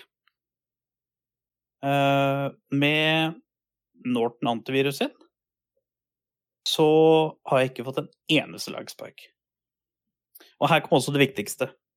Uh, jeg har jo 1000 000-linje. Ja. Når jeg connecter meg til NordVPN, så er jeg 80-80-linje. OK. Jeg mister over 90% 90 av hastigheten min. Ja. Og logma. Altså, at, at du mister noe, det er greit. Mm. Jeg veit ikke, hvis jeg hadde hatt en 100-100-linje, om jeg fortsatt ville hatt 80-80. Det veit jeg ikke. Jo, det, det, det, det har du helt sikkert, for hastigheten din vil aldri være raskere enn eh, det serveren deres er. Men det, det jeg tenker på er at hvis du har 100-100-linje, så har du en svakere linje. Kanskje hastigheten mot deg tilbake er svakere. Jeg vet ikke. Right. vet. Eh, så det føles som en enorm DDoS Ja, når jeg bruker NordVPN. Uh, når jeg brukte Norton antivirus sin VPN, så har jeg 300-300. Mm. Og det er jo Selv om jeg mister jo 70% Ja, av linja mi, men så er 300-300 Det er spillbart Mm. i stor grunn. Og det er, det er ikke sånn at du bøfrer når du ser på Netflix. Uh, så det er veldig respektabelt. Og i tillegg til at de er mye billigere, får ingen leggespikes, og jeg får mye sterkere internettlinje i forhold til både Donald Bear og NordVPN. For meg så er det ikke noe tvil. Kjøp et Norton antivirusabonnement til enten 349 eller 449, eh, som varer da i ett år. Da får du antivirus, noe som alltid er en bonus, eller som er fint å ha. Pluss at du kan få det da den NordVPN. Nei, ikke NordVPN, men vanlig VPN. da. Ja. Men jeg, tror du de faktisk har en pakke også som du bare kan eh, abonnere på VPN. Det kan godt hende. Eh, jeg har ikke sjekka det ut. Jeg sjekker ut nå, og jeg kan faktisk bruke min på telefon nå. Fra Norton. Ja. Så det var eh, det var, det var kult. Ja, ja, Og så ja. er det cloud backup. Der har jeg da en sånn 10 gigabytes uh, cloud backup som jeg kan putte hva enn jeg vil i. ja, ja. Eller bare bruke det som, uh, som generell backup til PC-en, f.eks., så slipper du å ha noe ekstern uh, lagring i, i huset. Ikke sant? Eh, så jeg vil anbefale da Norton sin VPN. Mm. Av de tre jeg har prøvd. Tunnelbear var eh, Nå har ikke jeg prøvd pro-pakka til Tunnelbear, du kan jo prøve det gratis. Gratisversjonen er crap. Eh, men eh, jeg ser Jeg ser så mange driver og adresserer streamere og content createre har NordVPN som som sponsorer. Eh, forhåpentligvis så funker det bra for de. For meg så funker det ikke. Nei, Men det er jo gjerne også andre steder av verden, sikkert. Ja, jeg, jeg har ikke sett Altså, hvis noen norske content createre har de som sponsor, og hvis noen norske content createre bruker NordVPN fast, og de kan genuint bruke det fast og bevise det, så gjerne si meg imot. Men for meg funker det ikke. Da har vi kanskje en eh, business i. Lage en eh, norsk eh, VPN-service. Det kan vi tjene uh, Tjene en grei slant med paper på. Helt klart. Så NordVPN stepper up. Vi bor i Norge. NordVPN burde ha vært bra i Norge. Ja, Det ligger i navnet. ja, ja. He- Helt klart. Så er det ikke. Men jeg har jo, siden jeg begynte å hisse meg litt opp på NordVPN, så Jeg skutt å si det mens du allerede er også, og også renter litt. ja, da er jo spalten Rant Hour og Sorry, Rito. Det er deg det går utover igjen. Um, men dette er ikke bare League of Legends. OK. Dette er også innafor Valorant. Eh, jeg Valorant hadde jo Nå husker jeg ikke mange dager siden det er, for jeg fikk jo betakey første dagen Mhm. Valorant kom ut. Ja, det er noen som er privilegerte. Ja, eh, mange har jo sittet og sett på i ni og ti dager uten å ha fått uh, CD-key eh, enda. Og folk telte jo for at de ikke har fått CD-key. Ja. Jeg syns jo det er litt gøy. Men eh, det som jeg liker med Nå skal du få ros først, før jeg kjefter på deg. Riot Games valgte en kul måte å gi ut beta-keys på. Og det var at de ga det først til noen kjente FPS-streamere, eller noen streamere som er veldig gode venner med Riot Games. Eh, og da var det sånn at du måtte registrere deg på nettsida deres, eh, og så koble til Riot Games-accounten din på Twitch. Og så måtte du se på streamere som uh, spilte Valorant. For å kunne ha muligheten til å få dropp, og droppet da var Valorant Beta Key. Ja, det er litt kult. Uh, og for de som lurer på hva Valorant er, det er som CSGO og Overwatch uh, blanda sammen. Mm. Men det er nærmere en CS enn en Overwatch. Det er bare at eh, du har klasser, du har champions som har forskjellige klasser, forskjellige abilities, men du har samme greia som på CS. Du skal plante en bombe, du skal defuse en bombe, du må kjøpe våpenet ditt, du må kjøpe defense osv. Ja, og, og, og gameplayet sånn eh, rent mekanisk også, hører Er jeg skal være veldig likt til CS. Jeg hører noen Ja. som har gått såpass langt og sier at taktikkene de lærer seg i CS, er én til én i Valorant. Helt korrekt. Det er bare det at du har champions som kan på en måte gjøre forskjellige ting som gjør at eh, du må tenke litt annerledes, men basically du må gjøre som i CS. Du smoker uh, den roaden her, så ingen kan se gjennom der. Eller de kan ikke komme gjennom der for at du smoker, uh, og sånne ting. Da. Så det er liksom sånn Taktikken er én-til-én CS, det vil jeg si. Mm. Uh, veldig kult game, for så vidt. Uh, veldig kul måte å gi ut betakeys på. Fordi grunnen til at vi gjorde det, var fordi at da de som fikk Det som ofte skjer da, med spill, og jeg har gjort det samme sjøl, jeg, det er at veldig ofte hvis du signerer opp for en beta, og så får en beta-key, og så ender det opp med at du ikke spiller det spillet. Så Riot tenkte at ok, de som skal spille Valorant, de skal genuint være interessert i spillet, så de må faktisk se på uh, Valorant streams og vise interesse for spillet for å kunne få en betakey. Ja. Og det liker jeg. Mm. Jeg var veldig heldig, jeg fikk det første dagen. eh, Spilte driten ut av det, var lei etter tredje dag, og da drev fortsatt folk og var på Twitter. og, 'Å, jeg har ikke fått betakey nå, jeg sitter jo og sett på i 48 timer'. Mm. Eh, og så var det folk som fikk betakey, solgte accounten til andre. Men de er jo så duste og skjønte ikke det at uh, Riot kunne tracke IP-en din. Så- for Ikke sant, har Twitch, der har du IP-en. Og hvis det er en annen IP som logger seg på uh, Riot Games-accounten din, plutselig, så skjønner de det at da har du solgt den, og da ble den accounten banna på stedet. Nei Så det var jævla kult. da. Det skjedde på dag to. Så det, mange accounts har blitt banna pga. at de har solgt eh, kontoer. Aha. Men da Nå har de fått skryt. Men når du skal gjøre det, så må du ha servere online. Du kan ikke ha close beta, så bryter serveren din sammen. OK. Og i hvert fall ikke når du skal gi det til kjente streamere som Summit 1G og, og sånn. Summit 1G har liksom hatt snitt på over 200 000 views Mhm. under dette greiene, og det er jo helt drøyt. Og så klarer du ikke å ha serveren din oppe engang! OK, er det så stort problem, altså? Ja, altså serverne altså, det var før, Dette var dag én. Slutten av dag én.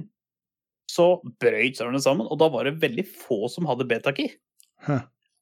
Og til og med da så kollapsa det. Men Riot er jo helt Altså, i League of Legends Riot sleit i to-tre uker med å kunne vise match-historien din. Ja. Dette er et lite indie-kompani med flere milliarder på bok. Ja. Og klarer faen ikke å vise match-history engang. I League of Legends, som er over ti år gammelt. Mm. Hvordan er det mulig?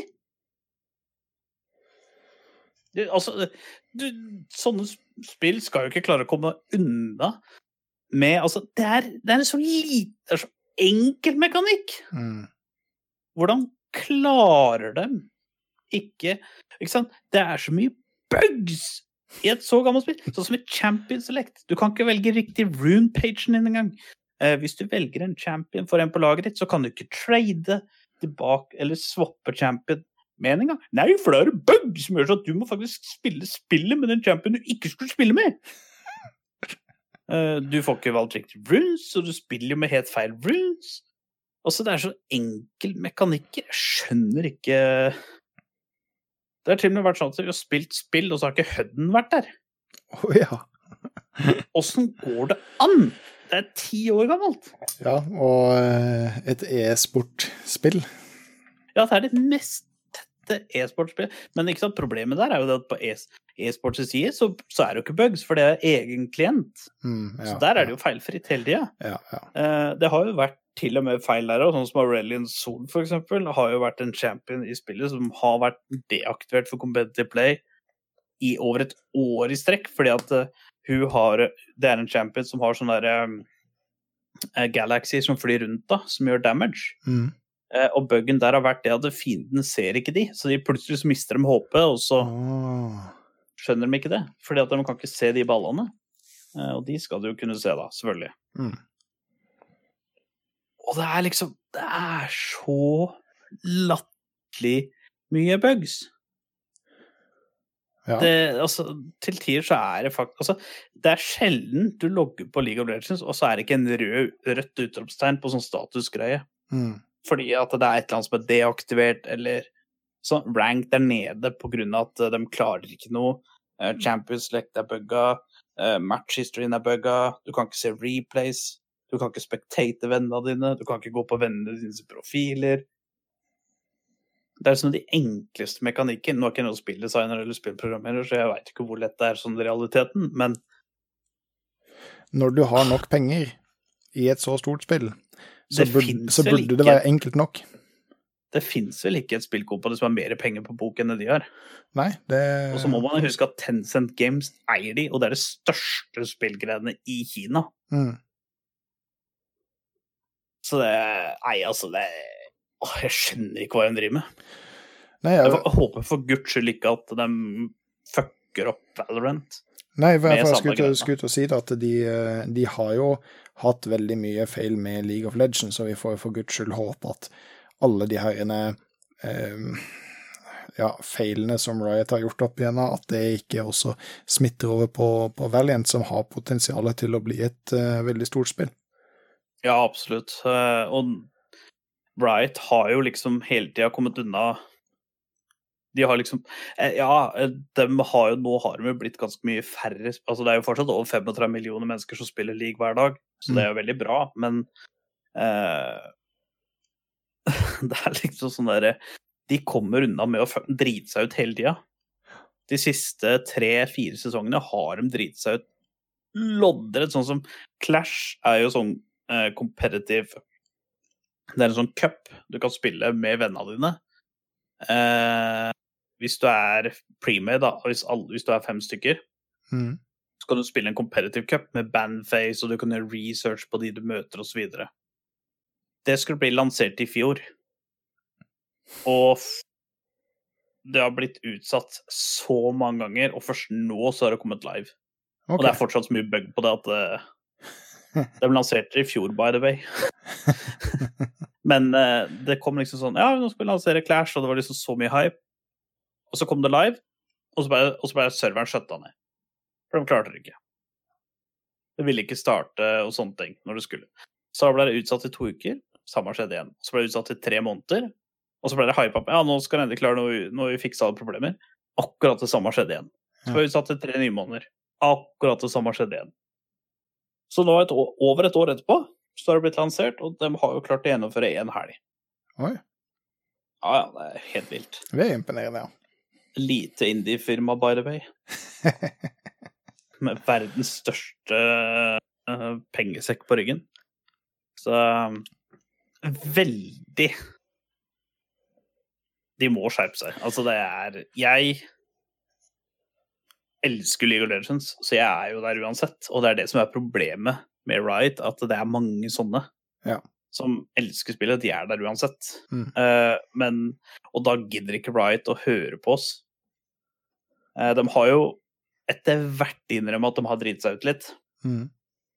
Så de har jo begynt å høre oss på oss lite grann. eh, Og spesielt nå etter at alle den yngre garde som bare som var blond, som mente i blank, men mente at de spilte som Diamond-spillere, de har jo gått over til Fortnite, heldigvis. Mm. Så det har jo blitt litt mer fornuftige folk i, i spillebasen, men det er jo fortsatt mye rart som blir sagt. Ja. Det er veldig mye hate, sånn som i Last Faces. Det er mye hate for no reason, men i, i League of i Riot Games så er det litt mer reason, da. Ja, de, er, de, har vist veldig lite gjennomføringsevne opp gjennom året, da. Men uh, som sagt, er- nå har du veldig mye nye spill ute som har veldig potensial, og som viser seg å være uh, veldig variable spill. Eh, og håper at de eh, viser litt mer gjennomføringsevne der, sånn at eh, de ikke dør ut før de har fått lov til å, til å Ja, det har vært, det har vært krise, ass. Ja. Nå har de en gyllen mulighet, så nå håper jeg de bruker den. Når, når, det, det er sagt, eh, når de først eh, sa det at de skulle komme med en eh, hero-type shooter, så håpa jo jeg at de skulle holde det innafor eh, Riot-universet.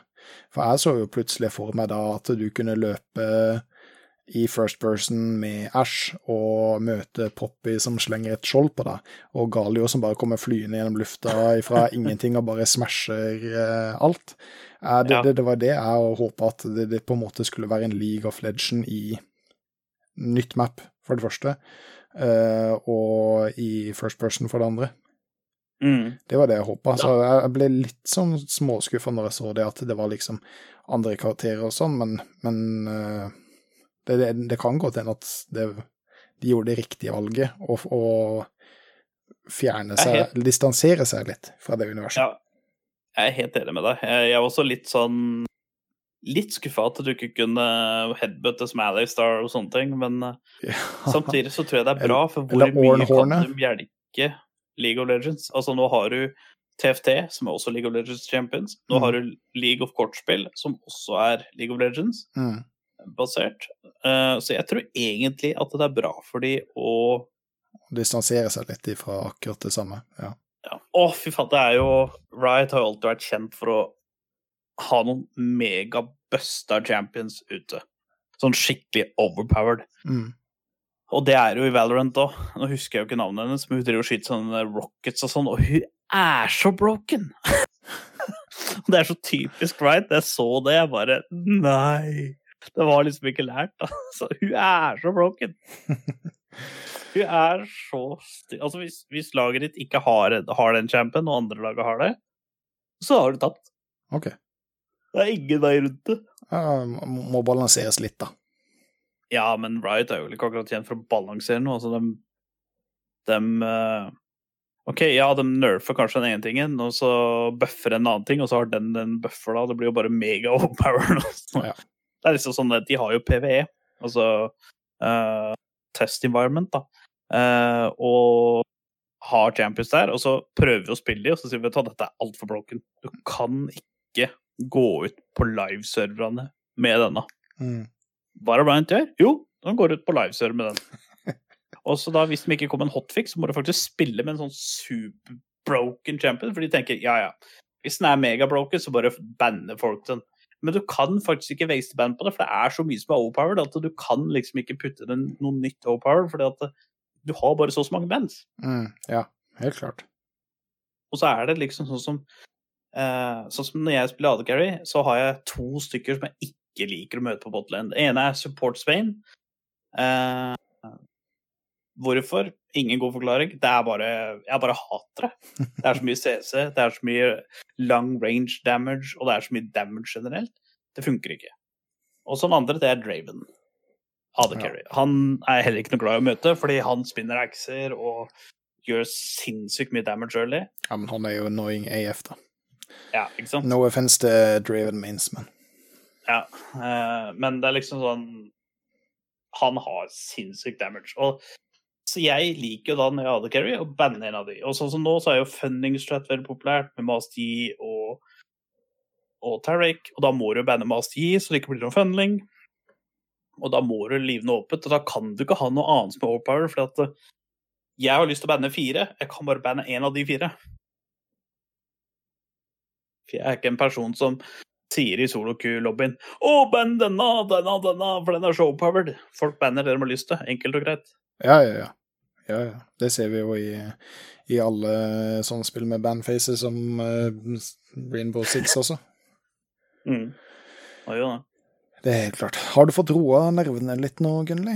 Ja, vi kommer nå mm, av i hvilepuls igjen. så bra, så bra.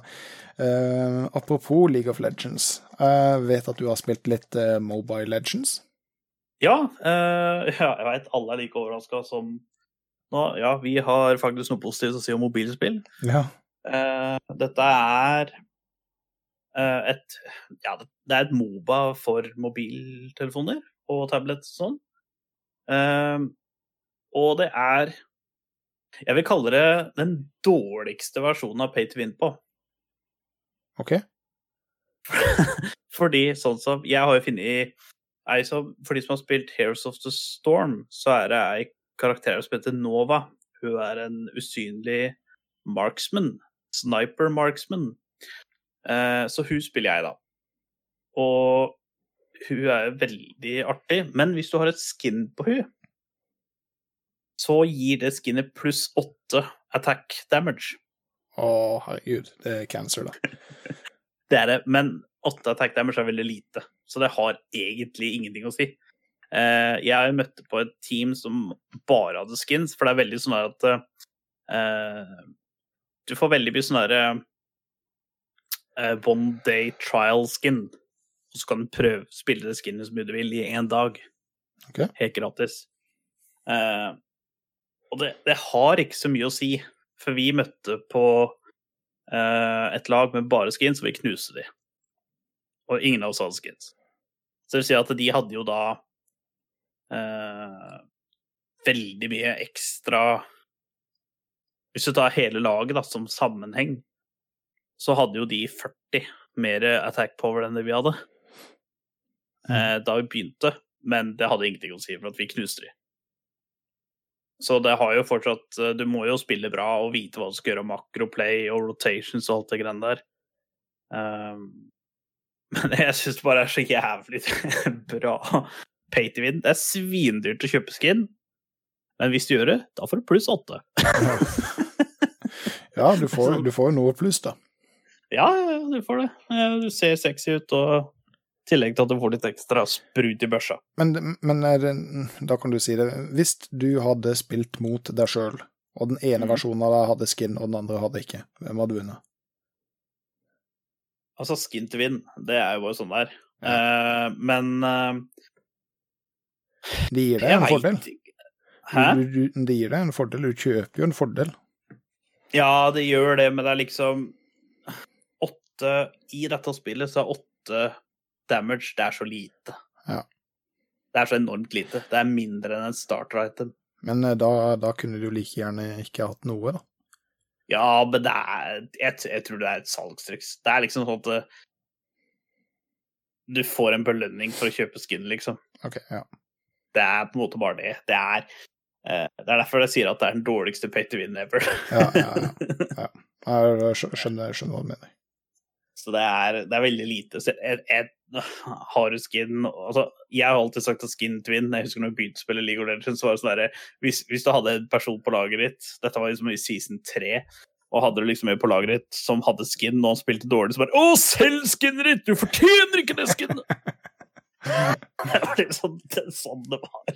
Hvis du, hvis du spilte eller champ, og du hadde skin, og du fina, så pleier du så flama fordi du hadde skin. Mm, mm. Fordi at det var Hvis du møtte på et lag, og du laget ditt hadde flere skins enn de, så var det skin til vinn. Du, Mm. Da var, vant du, fordi at du hadde flere skins.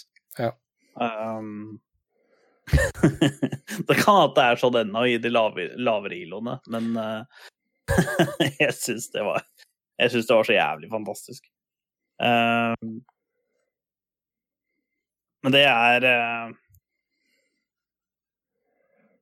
det er de, de, gir så, Det gir ikke noe stor fordel, men det er vanvittig uh, Jeg syns det, det på en måte er litt kult at du får noe for å, for å eie et skin, da. Men igjen så er jo de skin-prisene der er så latterlig høye.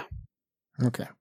Jeg husker ikke hvor mye det er, men jeg tror det vanlige skin er sånn 200 kroner eller et eller annet, så du er jo spenna gæren hvis du kjøper et skin. da. Ja, ja, ja. Men du kan jo få mange skins gratis, da. Det er jo sånn event som er gratis å delta i og sånne ting, så du kan jo få det skins. Men over til det som er bra med spillet, da, er at det der Moba som varer i ca. et kvarter. Mm. Eh, I forhold til League of Legends så er det sånn som I League of Legends skal liksom marksmen da skal jo i utgangspunktet gå bot. Nå har det jo vært litt med til at noen marksmen skal gå topp også, eh, men eh, sånn AD carry-rollen, da, det er jo botlane. Mm. Mens i Mobile Legends så er jo det solo lane på mid. Ok. Eh, og så skal liksom majors og sånn, de skal gå bot og sånn, da. Så det er Du har ja, Et spill varer vel ca. 15 minutter. Det lengste spillet mitt har vært i 30 minutter. Og hun har spilt med da, hun dreit seg ut, så burde vi tapte, men det var gøy. Ah, Eh, og du har et veldig kult rankingsystem der.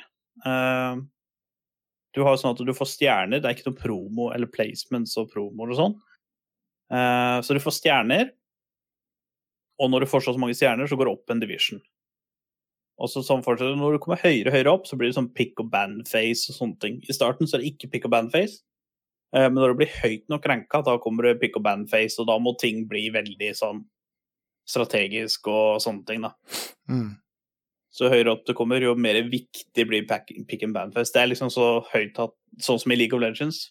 Er du på øverste nivået, så kan du tape kampen i Champion Select. Mm.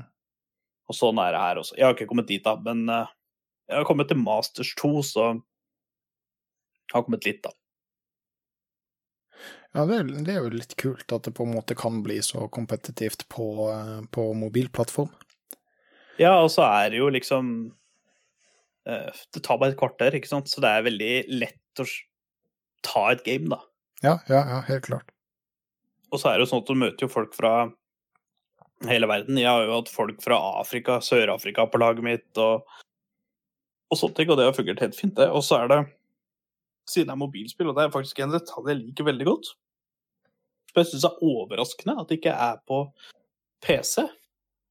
Eh, fordi sånn som i League of Legends, da, hvis noen rage-quitter eller quitter gamet, så er du fire ved fem. Mm. Men hvis det skjer på telefonen, så får du spørsmål Vil du at en AI skal ta over for denne karakteren?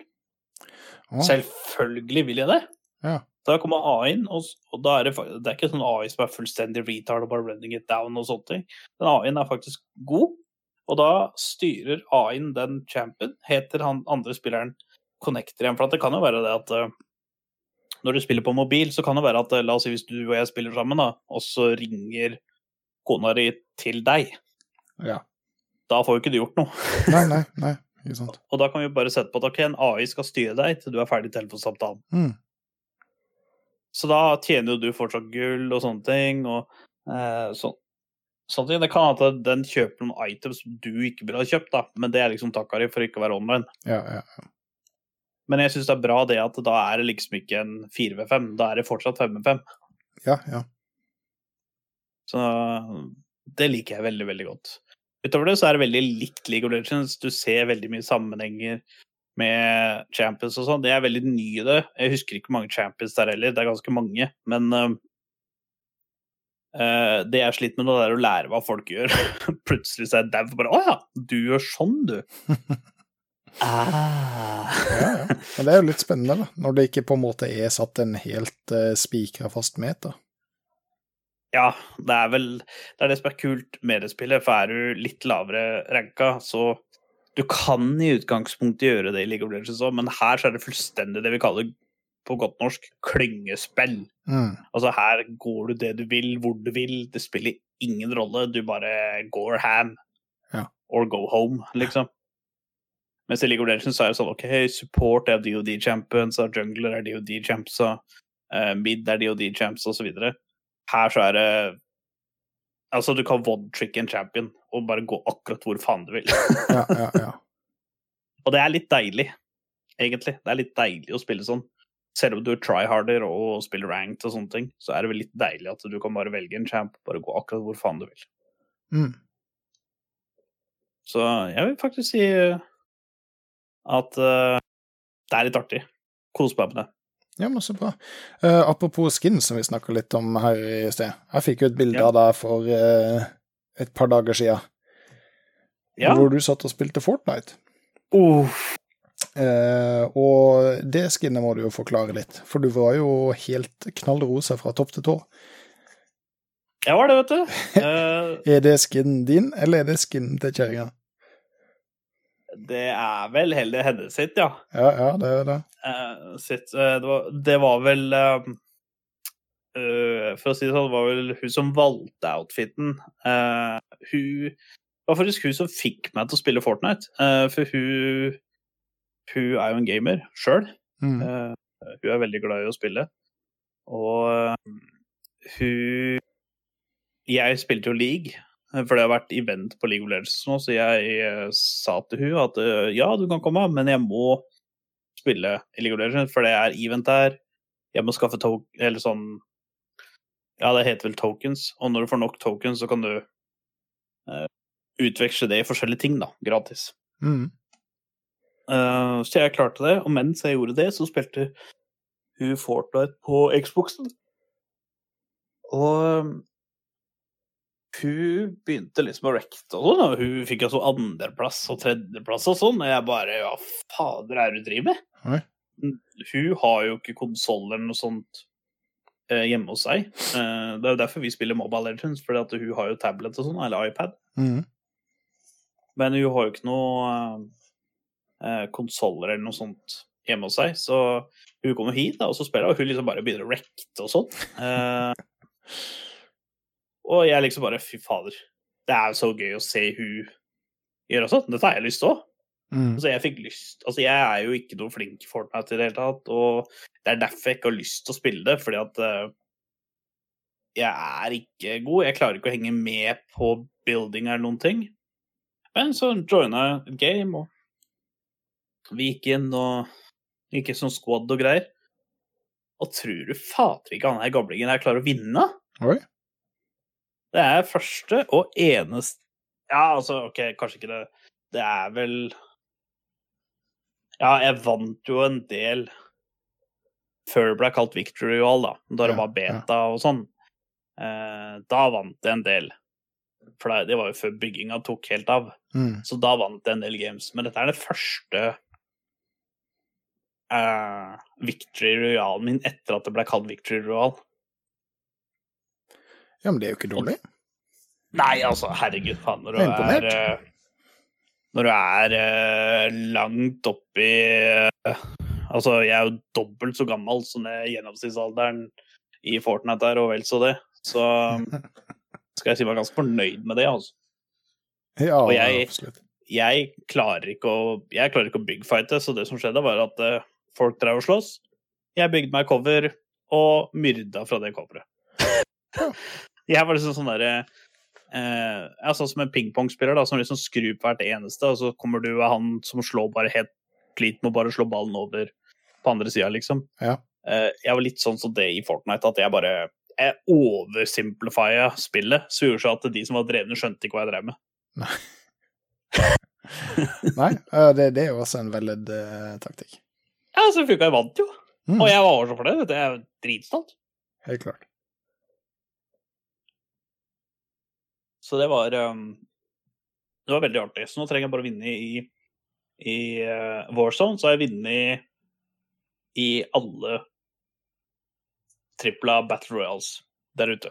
Ja, Sweet. Helt til eh, det kommer en ny gjennom om en måned, holdt jeg på å si. Ja, Ikke det at jeg vet at det er det. Nei, nå, vet du, nå håper jeg faktisk at um, det tar litt tid, og at når neste Battle Royale kommer, så, så er det akkurat sånn som Warzone var, at det er noe nytt og revolusjonerende. At det ikke bare blir sånn spytta ut for å bli spytta ut. Ja, ja, helt klart. At det ikke kommer noen nye eh, kusin... Cuisine Royal, eller hva faen det heter. Ja, ikke sant. Nå er det jo Du ser jo sånn som. Mobar, da. Ja.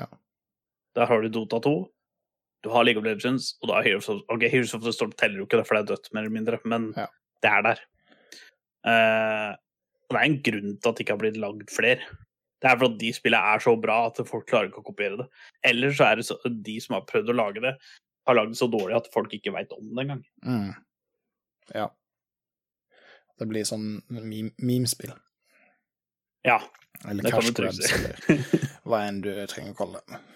Nei, men eh, da må vi eh, avslutte den eh, Fortnite-praten der, sånn at den det ikke går helt av skaftet.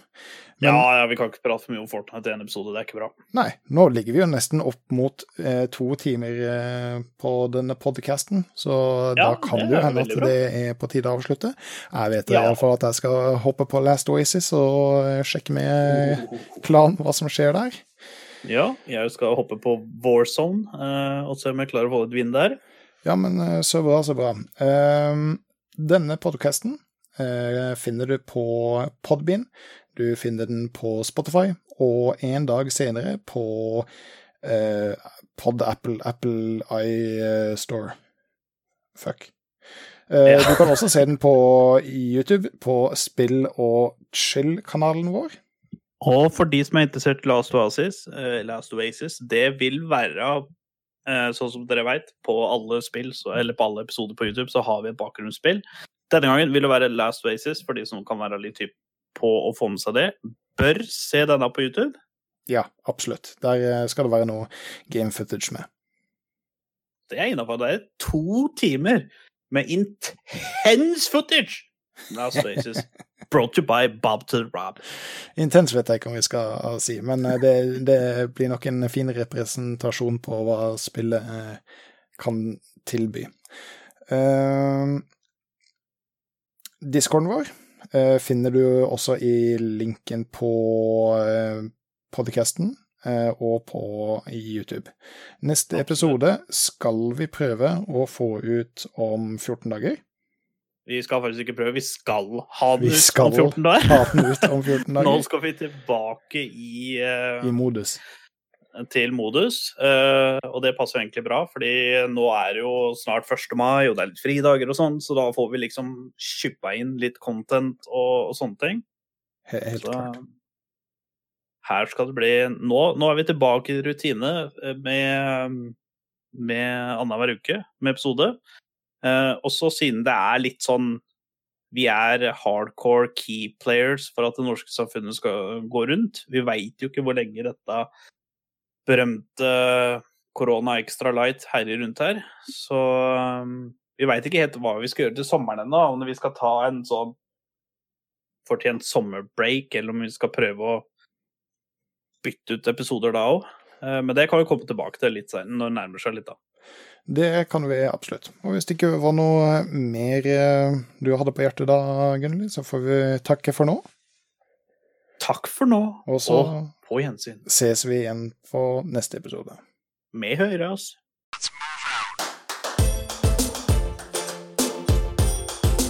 You're good, kid. But as long as I'm around, you're second best. You might as well learn to live with